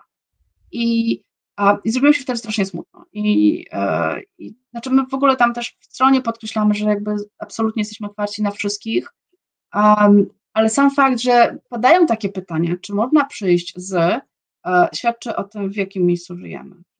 Te, pytania nie powinny w ogóle padać. Tak? To powinno być naturalne. Przychodzę z tym, z kim chcę. Byle miał 18 lat. Rozumiem, e, że ty y, nie kolekcjonujesz informacji o tych ludziach i mimo, że dzisiaj to jest modne, nie rejestrujesz dźwięku i obrazu. E, jak to się często robi w różnych sytuacjach, e, ale powiedz, bo żeby to było jasno wyrażone, czy tak Mhm. rzeczywiście jest, jak ja mówię, czy też y, kusi ciebie, czy kogoś, żeby tam jednak popodglądać, jak to jest? Wiesz co, mnie kusi tylko jedno, to znaczy na samym początku, jak zaczynaliśmy, to mnie strasznie kusiło dowiedzieć się, czy to się sprawdza, to znaczy, czy idea jest ok, czy ja zrobiłam dobre miejsce, to mnie kusiło. E, Ale od tego mieliśmy księgę gości i ludzie się tam wpisywali do tej księgi gości i zapełnili ją bardzo szybko, bardzo pochlebnymi recenzjami, więc już dałam spokój. A nie, nie mamy nagrywania. Jak ktoś się mnie pyta o nagrywanie, wie pan co, to jest tak. em, my możemy to nagrać i w dobie dzisiejszych zabezpieczeń to wypłynie. Jak to wypłynie, to mój biznes się kończy. Jakby mój biznes opiera się o zaufaniu, tak? Ja, ja nic nie osiągnę, jeżeli coś wypłynie. Więc jedyne, co jakby ja daję na, na szali, to swoją gwarancję, że to jest bezpieczne miejsce i tyle. No tak, nie, to, to rozumiem i tak powinno być, no bo inaczej to wiesz, to jest jednak ludzka intymność i bez zgody tych ludzi absolutnie nie, nie, nie, nie należy w nią ingerować. Pewnie mogłabyś mieć kłopoty prawne, a jesteś prawnikiem, prawniczką wykształcenia. Ale czy na przykład czy nie zdarzyło ci się, żeby ktoś chciał, bo podobno była taka moda, nie wiem czy dalej trwa, żeby filmować noce poślubne. Czy ktoś yy, nie chciał jak gdyby mieć dla siebie prywatnego zapisu takiego wydarzenia, no bo wyobrażam sobie, że to jest bardzo niezwykłe. To nie jest jakby to, to samo, co w własnym domu, we własnym M4 czy jakimś tam domku, gdzie człowiek normalnie żyje, tylko to ta scenografia, to wszystko, no to taka pamiątka jak z nocy poślubnej trochę. To miałaś takie propozycje, czy nie? Wiesz co, ja zawsze sobie myślę, że fajnie nagrać taki film, tylko co zrobić, żeby potem nie wpadł w ręce dzieci, no nie? Jak będą przeszukiwać komputer albo półkę z płytami. No nie, ale to jest problem tych ludzi, no wiesz, no to, to Wiem, o ale jak, jak zawsze, jak, jak, o tym, jak o tym słyszę, to mam takie tyle głowy, jak to ukryć przed dziećmi. No w każdym razie, słuchaj, e, słuchaj, tak, są takie pytania i my współpracujemy z firmą, która nagrywa filmy, no bo to jakby to nie jest po mojej stronie, ja po prostu daję tylko kontakt i, i nie wiem, co dalej. A wiem, że są takie, mm, takie e, propozycje i wiem, że parę filmów zostało nakręconych, aczkolwiek o wiele więcej jest sesji, sesji erotycznych, sesji buduarowych, takich, gdzie tam para zaczyna się przygotowywać do tego seksu. Sesji samego seksu właściwie raz się coś takiego zdarzyło, gdzie ktoś się pytał fotografa, który byłby w stanie zrobić zdjęcia podczas seksu. E, Ale jako profesjonalistka jestem przygotowana, mam kontakt do takiego fotografa, nie ma sprawy, jakby nic co ludzkie nie jest mi obce. Byle było legalne. No tak, to rozumiem, no, jako osoba, która studiowała stosowne artykuły prawa, musisz y, dbać o to. To teraz tak, y, proponuję, żebyśmy mieli chwilę oddechu Mhm. i y, przejdziemy do innego ciekawego tematu, który się z tym wiąże, ale może nie tak bezpośrednio. Krzysztofie, proszę o muzykę. Słuchasz Resetu Obywatelskiego. Znudzeni mainstreamowymi newsami? Czas na Reset Obywatelski. Zaangażowane dziennikarstwo. E, Ja nazywam się Konrad Szołajski. Przypominam, że to jest NAWSPAK, program, w którym zadajemy pytania, próbując zobaczyć, czy wszystko nie jest inaczej niż nam się wydawało. E, To jest w ramach projektu e, Reset Obywatelski, który Państwo wspieracie, za co bardzo dziękujemy. E, Gościnią dzisiaj, według tych nowych norm, to mówię gościnia, chociaż dla mnie to jest trochę trudne, normalnie bym powiedział gość, jest Aleksandra Rasz. I to jest osoba o kilku zawodach. One mają ten wspólny, frywolny troszkę mianownik, mianowicie taka radość życia czerpana z naszej seksualności. E, To może zaczniemy od tego, że coś opowiesz o swoich e, tatuażach. I pokażesz. Tatuaże. Wiesz co, akurat one, z, one nie mają dużo wspólnego z seksualnością, ale z radością życia, tak. No tak, ale seksualność to jest radość życia, no chyba, że ktoś to traktuje jak pański akceptacja krzyż. siebie. No właśnie. Akceptacja siebie i akceptować siebie e, można na bardzo wielu poziomach. Najfajniej jest, jak te wszystkie poziomy e, są wyrównane. E, I tak, wiesz, no pierwszym moim tatuażem, nie wiem, czekaj, to ciężko mi jest pokazać, czekaj, muszę się odkręcić rękę, okej, tu. teraz widać, tak? To jest taki średnik, a kropka w tym średniku to jest znak Sankofy. Sankofa to jest taki afrykański ptak i on ma taką symbolikę, że to jest ptak, który się patrzy w tył, trzymając w dziobie jajo. I to jest taka symbolika, że jajo jest przyszłością, ale że nie możesz iść do przodu, nie możesz tworzyć swojej przyszłości, jeżeli nie rozumiesz swojej przeszłości, jeżeli nie wiesz, co się zdarzyło. Czyli musisz zrozumieć, dlaczego jesteś w tym punkcie, w którym jesteś, żeby móc ruszyć naprzód. I to jest takie bardzo, e, bardzo wspierające dla mnie. No a średnik to średnik, tak? Średnik jest tradycyjnym symbolem tatuażu, mówiącym o, o tym, że coś się zakończyło, ale nie skończyło się to najważniejsze. Czyli jakiś etap, e, jakiś etap jest zakończony, a stawiamy tam średnik, który jest mocniejszy od przecinka, ale ciągle nie jest kropką. Czyli że życie ciągle trwa, plany ciągle trwają, marzenia ciągle się rodzą, idziemy na, e, naprzód. To jest, to jest to. To jest taki mój pierwszy, e, mój pierwszy. No tak, ale ja patrząc na ciebie, y, że tak się wyrażę, patrzę nie tylko na twoją twarz, ale także trochę niżej i widzę drugi tatuaż. Mówisz o mojej ważce, tak? Tak, to powiedz coś e, też o tym. Y, tak, moja ważka, moja ważka jest, jest na sercu, E, moja ważka, e, ważka to jest e, niesamowite stworzenie. To jest, po pierwsze, przybiera różne postacie ciągu swojego życia. Ona się przeobraża. I ten cały cykl jej życia to jest zmiana z jednej postaci w drugą i ona ciągle jest sobą. To też jest takie fajne, związane z podróżą, z samorozwojem. Co śmieszniejsze, albo co fajniejsze, każda kolejna jej postać jest jeszcze piękniejsza, jeszcze bardziej dostosowana do środowiska. No i potem jak zostaje tą ważką, to jest po prostu królową. No, lata najszybciej, potrafi latać do tyłu jak helikopter. Jest takim owadem, który przetrwał do naszych czasów, od czasów dinozaurów, więc przetrwał wszystko. I to, co mnie bardzo w ważkach ujmuje, w przeciwieństwie do motyli, to jest po pierwsze ich trwałość, a po drugie to, że motyle mają takie nachalne piękno, wiesz, popatrzysz i myślisz, o Boże, jaki piękny motyl. Żeby zobaczyć piękno ważki, musisz się przypatrzeć, musisz się zatrzymać. I to jest coś, co mi przypomina o tym, że warto czasami stanąć i się przypatrzeć czemuś, bo to piękno nie jest takie, wiesz, rzucające się w oczy, a jak popatrzysz, to jesteś zafascynowany. Ważka jest na moim sercu. Czy możesz y, troszeczkę tak wyjaśnić? Ja nie jestem z tego pokolenia, które y, tatuaże praktykowało jako taką mhm. formę ekspresji cielesnej. Cały czas jesteśmy gdzieś tam w kręgu tych Twoich zainteresowań. Ale też Ty nie jesteś osobą, która, jakby to powiedzieć, no, należy do tej młodzieży, która dzisiaj to robi. Jesteś już mhm. kobietą Mm, jakby to powiedzieć, dojrzałą na swój sposób przynajmniej.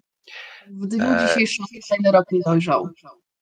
Dobrze, to skąd u ciebie te tatuaże? Dlaczego ty je sobie zrobiłaś? Bo nastał w moim życiu taki moment e, właśnie średnika. Znaczy, zmieniło się diametralnie wszystko. Wszystko, co miałam poukładane w klockach, się rozsypało i musiałam zdecydować, czy buduję dalej, jakby układam tą swoją historię dalej. I wtedy ta myśl o tatuażu a, była jakimś takim mistycyzmem. To znaczy, ja chciałam mieć jakiś talizman, jakiś amulet, coś na co będę patrzeć i co będzie mi codziennie przypominać, że podjęłam jakąś decyzję, albo że coś jest dla mnie ważne.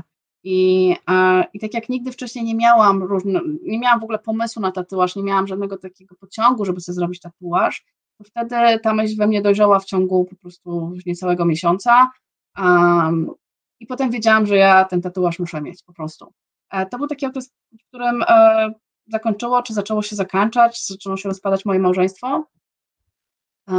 No i jak sobie wyobrażasz, no, to jest taki moment, w którym nie warto stawiać kropki, ale przecinek to za mało, więc, więc jakby żeby iść dalej trzeba coś pozakańczać, tak jak Sankofa coś zrozumieć, no ale ciągle ma się te jaja w dziobie, czyli ciągle ma się tą przyszłość i, i z niej może dużo różnych rzeczy się wykluć i powstać, więc, więc tak. No, przekraczamy tu pewną granicę. Oczywiście w każdej chwili możesz powiedzieć, e, poproszę o następne pytanie, albo jakoś inaczej. jak polityk polski odpowiadać zupełnie na inny temat, udając, że to jest odpowiedź na to pytanie. Ale chciałem, żebyśmy spróbowali o tym porozmawiać i ja uzasadnię dlaczego. Otóż wydaje mi się, że jeśli chcemy być y, ludźmi otwartymi i umiejącymi sobie dawać radę w życiu i y, nie uciekającymi przed problemami, ale też przed radościami, przed faktem, że zarówno kulinaria, jak i życie seksualne, jak i nasze choroby, jak i nasze poglądy polityczne, to wszystko jest nasz świat, tak? I mhm. y, w zasadzie tabuizowanie jakiejś sfery należy do tego czasu, który chyba powoli mija. Zaczynamy umieć rozmawiać coraz więcej i to nawet publicznie, no przecież to robimy publicznie, na tematy dosyć intymne. Ponieważ większość z nas y, prawdopodobnie jest, y, y, jakby to powiedzieć, podobna do siebie, tak? Znaczy mamy podobne potrzeby.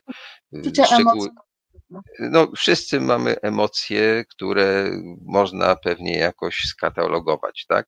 Zresztą to dotyczy ludzi, którzy żyli też i 100 czy 200 lat wcześniej. Bardzo często jest tak, e, że jak obserwujemy historyczne postaci, a nawet, nie wiem, czytamy Szekspira, no to ci ludzie mieli takie same uczucia, tak? Trochę inne były te okoliczności. Jeśli zdejmiemy, to uczucia zostają te same. Tak, tak. I były też epoki większej otwartości. Y, antyk, prawda, czy gdzieś tam wiek XVIII, te różne pamiętniki, y, w których są bardzo intymne rzeczy opisywane, nie tylko z zakresu seksualności, także po prostu pewnej takiej ludzkiej intymności. Wydaje mi się, że trochę wchodzimy w taką epokę. E, to takie trochę napuszone to moje uzasadnienie, ale próbuję cię tak troszkę naciągnąć na to, żebyś nam się zwierzyła. Jak to w twoim życiu pod tym względem było? Normalnie to robiłem w moich filmach i to wtedy dużo więcej miałem czasu i to taki był komfort, że tutaj specjalnie się tam spotykamy, że tu kamera, ale jak będzie trzeba, to oczywiście ja ją wyłączę i tak dalej. Tutaj siedzisz po prostu przed komputerem. Myśmy się w zasadzie, no, znając już dość długo, nigdy nie spotkali, bo ta nieszczęsna pandemia to powodowała, ale znamy się stosunkowo dobrze, na tyle, na ile można. I wiem o tobie, bo mi zdradziłaś różne rzeczy, których ja oczywiście nie powiem, e, że twoje życie wykonało taki właśnie no może nie salto mortale, to nie chciałbym tego tak nazywać. W biznesie a, mówimy to. E, ale jakiś taki no, spory podskok. E, I twoje małżeństwo było małżeństwem, wydawałoby się bardzo udanym.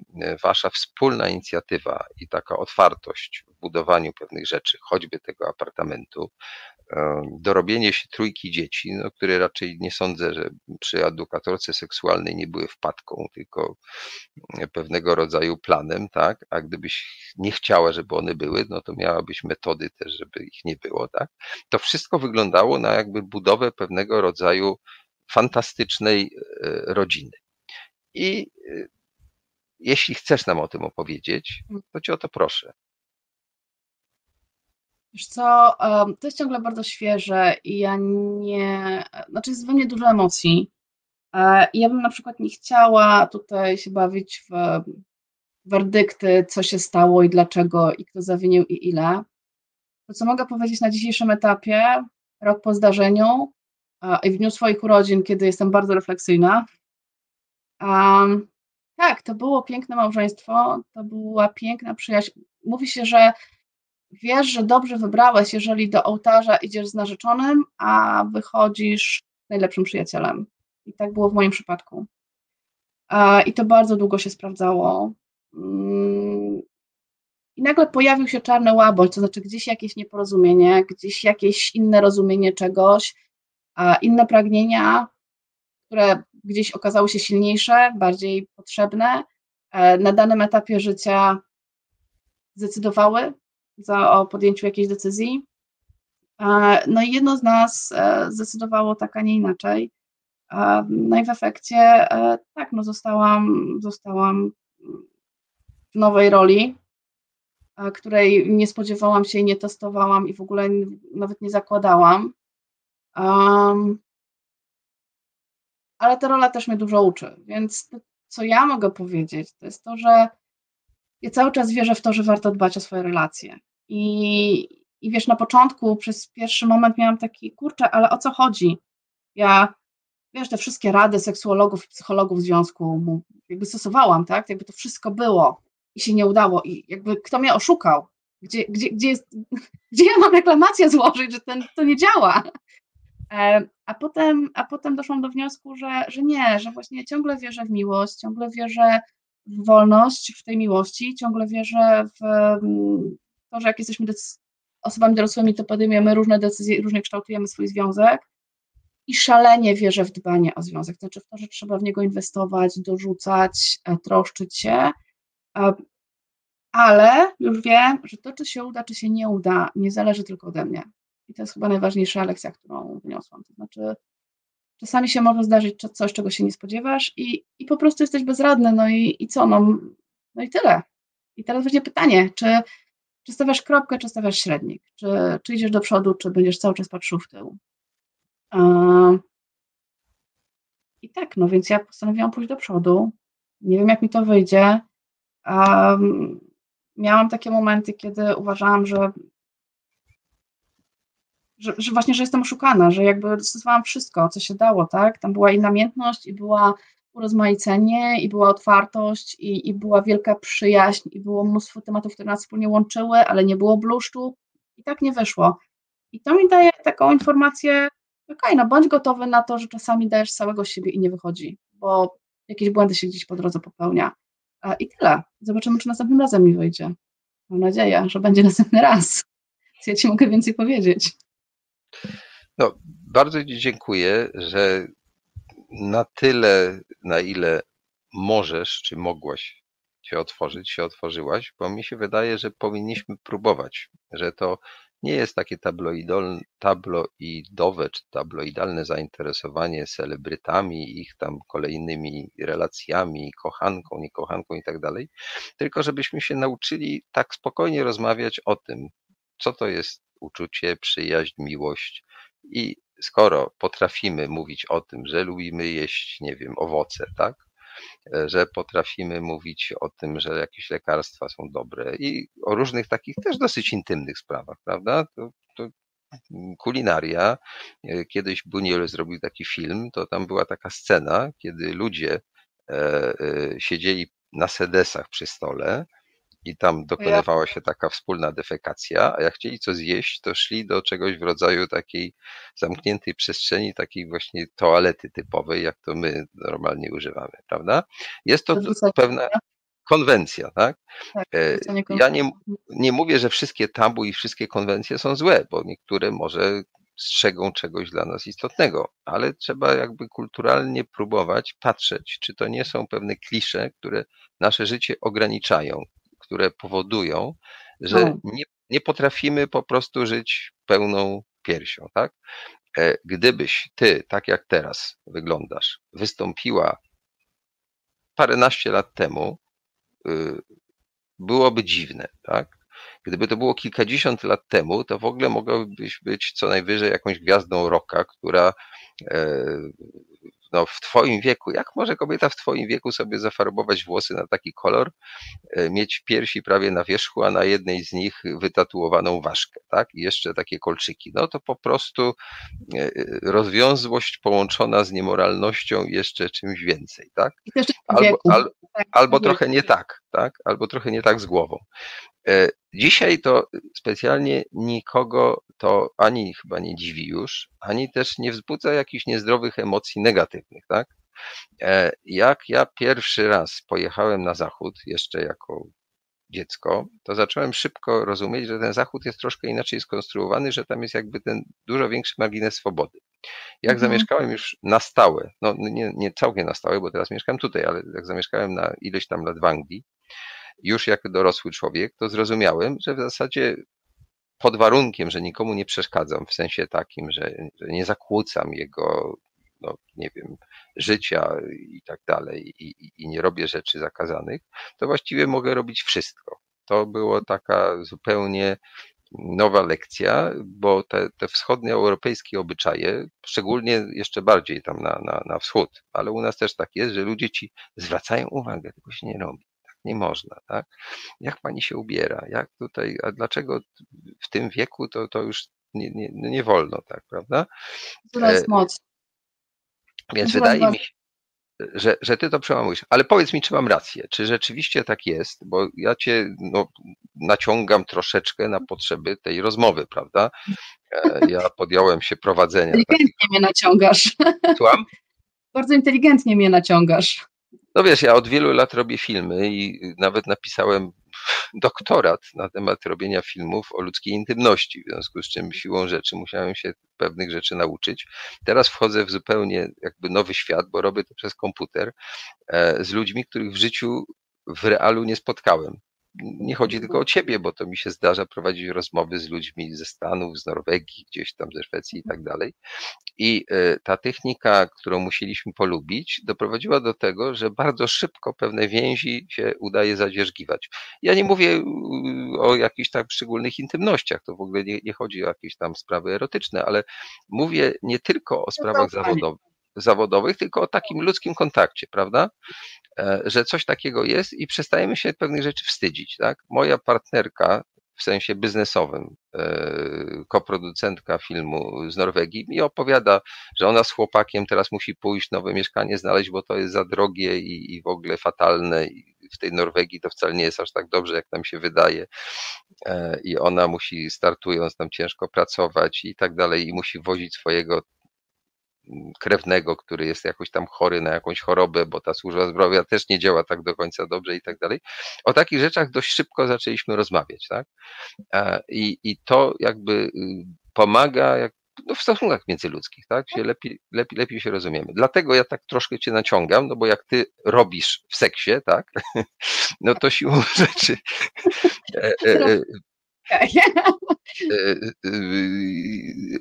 Tu mnie ciągnie. Gdybyś była filozofem, to pewnie bardziej bym próbował tutaj cię Heideggerem czy Kantem próbował, wiesz, dopytywać o jakieś tam te, tego typu sprawy, a tutaj jest, jesteśmy jednak w zakresie relacji. Ale teraz powiedz mi, czy jak gdyby rzeczywiście mam rację, czy to ci jakby pomaga, że się tak trochę potrafisz otworzyć, czy to jest coś tak, no bo ty się w języku ciała się otwierasz. Ta twoja fryzura, ta twoja ważka, te, te twoje, że tak powiem, cechy, Dobra. drugorzędne cechy płciowe, które tutaj eksponujesz, kadr trochę to przycina, e, to, to jakby nie wszystko widać, ale i tak widać sporo, tak? E, e, więc ty mówisz e, jakby mhm. swoim, swoim językiem ciała, ale także werbalnie tutaj też trochę powiedziałaś. Czy ty się z tym dobrze czujesz i czy podzielasz mój pogląd, że właściwie w tę stronę powinniśmy iść? Nie, nie, nie ekshibicjonistycznie, bo to nie o to chodzi. Chodzi o to, mhm. żebyśmy normalnie traktowali ludzkie sprawy i potrafili powiedzieć, tak, rozstałam się z moim mężem, dlatego, że nam się nie układało, jestem do dzisiaj zdziwiona, dlaczego tak się stało, tak, na przykład. No, streszczam twoją wypowiedź. Co, tak, tak, i znaczy ja jestem osobą, która. Um, ja się nauczyłam jednego. Ja opowiadam o intymnych rzeczach, ale to ja decyduję, o czym opowiadam. Czyli jakby niby sprzedaję, ale sprzedaję, jakby możecie kupić tylko to, co ja, co ja wystawię, wystawię na sprzedaż, tak? A więc ciągle mam tym kontrolę, ale to nie chodzi o to, że ja lubię, tylko ja się nauczyłam, że jak mówię o rzeczach trudnych, bo o trudnych rzeczach nie mówimy w naszej kulturze. I jak mówię o rzeczach trudnych, to nagle się okazuje, że wokół mnie pojawiają się osoby, które e, zaczynają o nich mówić. I tak było z poronieniem. A nagle się okazało, że dziewczyny czy przyjaciółki, które ja znałam, w życiu mi nie powiedziały, że poroniły i trzymały ten ból w sobie, po czym nagle jak gdzieś ja tam jakiegoś posta wstawiłam na Facebooku z okazji Dnia Dziecka Straconego, odezwały się do mnie znajome, czy tam jakieś koleżanki i mówią, wiesz co, ja właśnie też pomyślałam, że jestem matką iluś tam dzieci, tak? Nie, nie, tylko tych, które mam, które urodziłam. I nagle mogły porozmawiać o bólu, mogły porozmawiać, bo o tym się nie mówi. Mogły porozmawiać, mogły się wymienić doświadczeniem, a mogłyśmy coś tam sobie dać nawzajem. Czyli kiedy teraz mówię o tym, że, że moje życie tak, a nie inaczej teraz wygląda i że to powoduje u mnie bardzo duży ból i że ja naprawdę cierpię, bo to, wiesz, no to to, to, nie jest łatwe i to nie jest proste. Ja naprawdę cierpię. Um, powoduje, że um, z jednej strony otrzymuję właśnie taki komunikat, no ale po co się z tym afiszujesz? No bo z cierpieniem nie wolno się afiszować. Jakby weź ty się ogarnij. Jakby no masz jak masz, przestań się tym cały czas ekscytować, weź coś zrób z sobą, zajmij się czymś pożytecznym. No właśnie nie, ja potrzebuję tego czasu, potrzebuję tego czasu, żeby uleczyć siebie, żeby uleczyć sobie swoje życie. A w chwili, kiedy ja powiedziałam jawnie i wyraźnie, że cierpię, że stała mi się krzywda, że czuję się teraz słabsza, e, mimo całej mojej wiedzy i mimo całej mojej otwartości, radości życia i, e, i koloru i w ogóle, i powiedziałam, że takiej osobie jak ja też się przydarzyło coś takiego.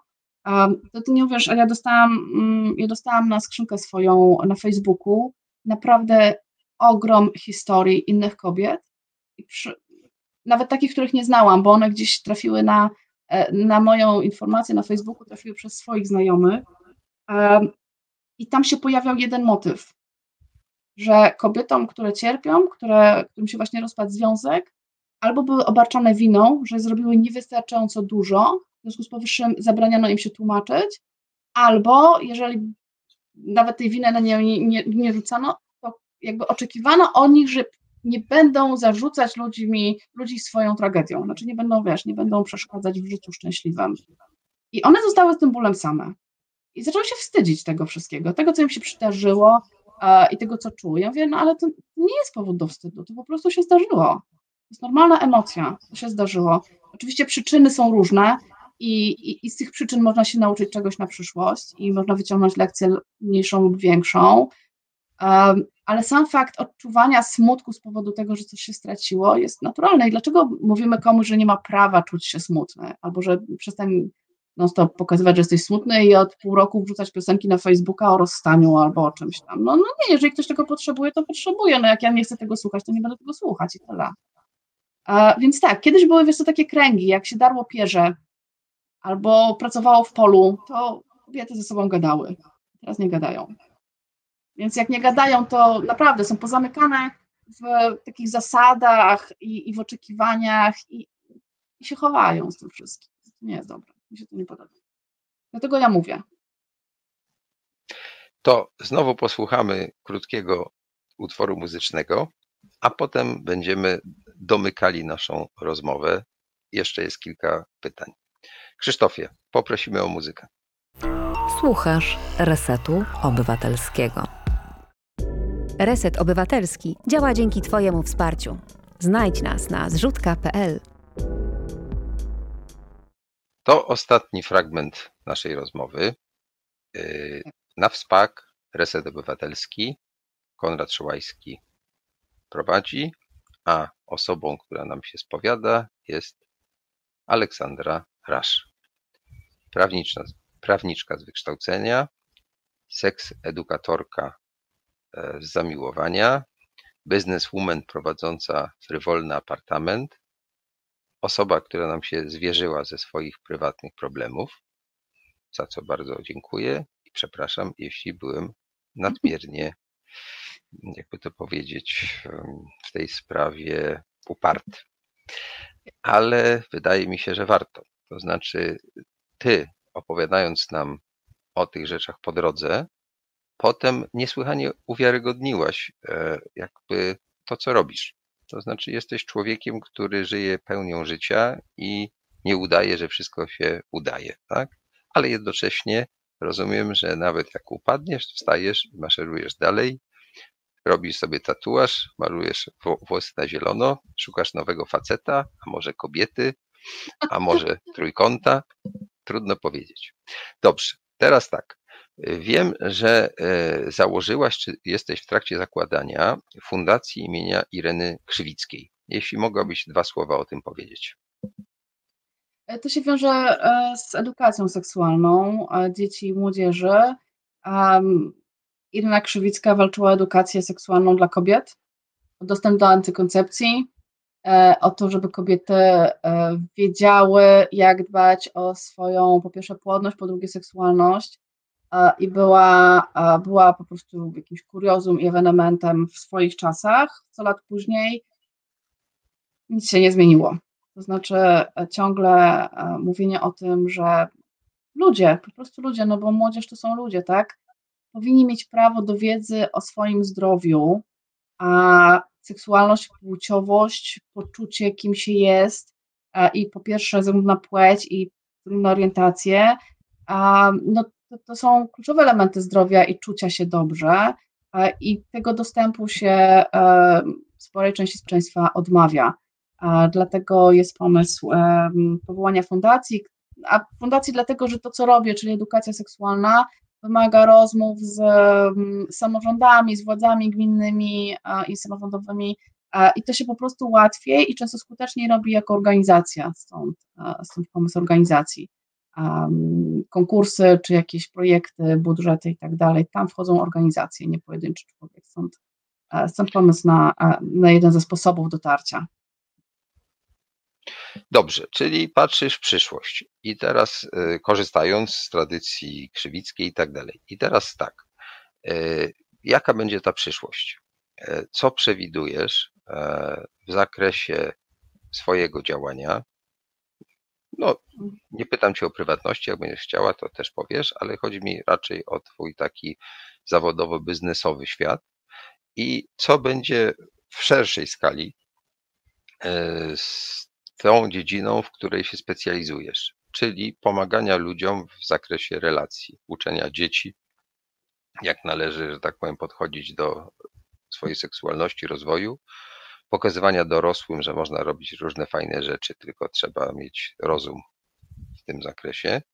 Mhm. E, I ta otwartość, jak rozumiem, którą propagujesz, proponujesz, czy ona E, stanie się taka jak właśnie w takich krajach wiem, Holandia, Szwecja, czy, te, czy też dalej zostaniemy tą niszą taką, gdzie przykazania i tak dalej będą nam wskazywały drogę i będziemy się wstydzili i nie będziemy potrafili powiedzieć dosyć. No to jak to będzie? A, tak. Teraz mam być e, e, prorokiem we własnym kraju, najtrudniejsza funkcja. E, ja mam takie poczucie, taką wielką wiarę, a ponieważ dzisiaj jest mój dzień na życzenia, więc ja mam takie wielkie życzenie, że to, co się teraz dzieje, czyli taka próba nałożenia jak największych więzów na, na właśnie na tą otwartość, na tą różnorodność, na tą tęczowość, a na to, że każdy ma prawo być sobą, o ile nie krzywdzi drugiego człowieka, czyli na akceptację, um, innych orientacji, na akceptację tego, że są osoby, które są transpłciowe, na akceptację, na akceptację najróżniejszych zachowań. Mamy bardzo silną presję, próbę kontroli społeczeństwa w tym zakresie. I ja mam naprawdę takie prywatne życzenie, że to jest taki syndrom końca, początku upadku, końca tej ery. To znaczy, jeżeli się bardzo czegoś boimy, boimy się utraty władzy, to ją dociskamy tą śrubę. I ja mam takie wrażenie, że ci, którzy próbują kontrolować życie innych, powoli dochodzą do takiego przerażenia, że coś im się wymyka spod kontroli i to życie jest zbyt e, bujne, hałaśliwe i, e, i zbyt żywe, e, żeby je utrzymać i próbują wszelkimi sposobami je stłamsić, ale to się po prostu nie uda i tak pokazują inne kraje. Tam też była cenzura moralna, tam też był Przecież homoseksualizm był przestępstwem właściwie w każdym kraju europejskim. E, zakaz małżeństw e, jednopłciowych również wszędzie obowiązywał. Zakaz adopcji przez takie małżeństwa też obowiązywał. Powoli, powoli wszędzie się zmieniało. Czasami szybciej, czasami wolniej, ale zawsze to szło po jakichś wielkich takich napięciach społecznych, kiedy w pewnym momencie ludzie mieli dość. Powiedzieli, nie, to jest sfera, w której władza nie będzie wchodziła nam do łóżek i do naszych sypialni i do naszego serca. E, ja naprawdę sobie życzę, żeby, e, żeby właśnie to się zaczęło dziać, żeby to się zaczęło, e, żeby to się zaczęło walić. Nie wiem jeszcze ile lat to musi potrwać, czy, czy to jest kwestia końca kadencji tej władzy, czy jeszcze następnej, ale mam wrażenie, że świadomość ludzi jest coraz większa i ta właśnie akceptacja i wiedza o tym, że jesteśmy różni, a przez to naprawdę sobie równi, jest coraz powszechniejsza, więc naprawdę życzę sobie, wiesz, tego, żeby, żeby brać udział w tej rewolucji, tej, tej, tej kolejnej rewolucji e, Polaków dotyczącej światopoglądu, e, w tym seksualności. No tak, a w planie takim bardziej własnym, co? Otworzysz sieć takich apartamentów, otworzysz e, szkołę edukacji seksualnej, wybudujesz kolejny dom, co będziesz robiła? Nie, wiesz co, um, biorę udział w projekcie Fundacji Spunk Edukacja seksualna dla Polski. W ramach tego projektu są szkoleni kolejni edukatorzy seksualni, którzy mają zadanie iść szturmem i naciskać w miejscach, w których żyją i mieszkają, na władze samorządowe, żeby się włączyły w pomaganie młodzieży w dostępie właśnie do tej wiedzy. A więc to jest jakby jedna rzecz, którą się teraz będę zajmować, czyli będę nękać, umawiać się na spotkania i, i dążyć do tego, żeby, żeby ten dostęp do wiedzy był powszechny na poziomie właśnie samorządowym. Skoro państwo na razie nie działa, no to zejdźmy szczebel niżej, tak jak właściwie być powinno. A prywatnie ja założyłam też taką działalność, e, nazywa się Za Minutę. To są kursy z edukacji seksualnej dla młodzieży, ale online. Bo pomyślałam sobie, że ja tutaj na tym swoim podwórku zrobię dużo, ale to, będą, to będzie tylko garstka, garstka młodzieży. A co z tymi, e, z tymi dzieciakami z rejonów, gdzie naprawdę jest trudno o rzetelną edukację seksualną, gdzie nie dojadą edukatorzy, gdzie w ogóle nie będzie miejsca na taką edukację, bo dom kultury nie da sali, biblioteka nie da sali, a szkoła to w ogóle pogoni. A, a tam też są rodzice, którym zależy na tym, żeby dzieciaki były bezpieczne, żeby były zdrowe, bezpieczne, żeby nie były um, skrzywdzone, żeby nie dały się skrzywdzić. I, i, I ci rodzice właściwie nie mają na razie e, żadnej alternatywy. Więc mój pomysł jest taki, żeby dać im zajęcia online, a przejść z tym do sieci. Um, ten sposób, wiesz, ja sobie myślę, ja przeszkolę jedno dziecko, ale ono powie o tym, co się dowiedziało kolegom, więc ja już tak naprawdę mam do przeszkolonych tych dzieciaków kilkanaście. I, i to jest moja, taka, moja, prywatna, moja prywatna misja na ten rok. Olu, y, wypada mi podziękować. Słowo wypada jest za słabe. Jestem Ci bardzo wdzięczny, e, ponieważ wstępnie umawialiśmy się tylko na taką krótką rozmowę o Twoim apartamencie, a wyszło na to, że właściwie to była spowiedź z całego życia z różnymi ważnymi refleksjami na temat losu ludzkiego. Ale może dobrze. No, e, wyszło. Jak w życiu, nie plan możesz planować, a wyjdzie jak wyjdzie. Tak w życiu bywa. E, chcę Ci złożyć w imieniu swoim, Krzysztofa i wszystkich odbiorców najlepsze życzenia urodzinowe. Nagrywamy to dzisiaj, pójdzie to później, ale życzenia są szczere, prawdziwe i takie, że może ta ilość tych życzeń spowoduje, że coś się w Twoim życiu jeszcze odwróci na jeszcze lepsze i mam nadzieję, że jeszcze kiedyś do nas tutaj zajrzysz. Bardzo chętnie. No, to jeszcze raz pięknie dziękuję. Dziękuję wszystkim tym, którzy mieli cierpliwość, żeby wysłuchać e, opowieści Oli. Może zechcą skorzystać e, z jej apartamentu. E, domyślam się, że wzbudziło to spore zainteresowanie i tych z Państwa, którzy by zechcieli odezwać się, zapraszam, bo może warto ciągnąć takie wątki i oczekuję mm, pewnego rodzaju e, feedbacku, opinii, czy ta formuła programu, troszeczkę to zmieniłem w stosunku do tego, co robiłem wcześniej, e, jest dla Państwa interesująca. Bardzo dziękuję za dzisiejsze spotkanie i co? Do następnego. Do następnego, do usłyszenia.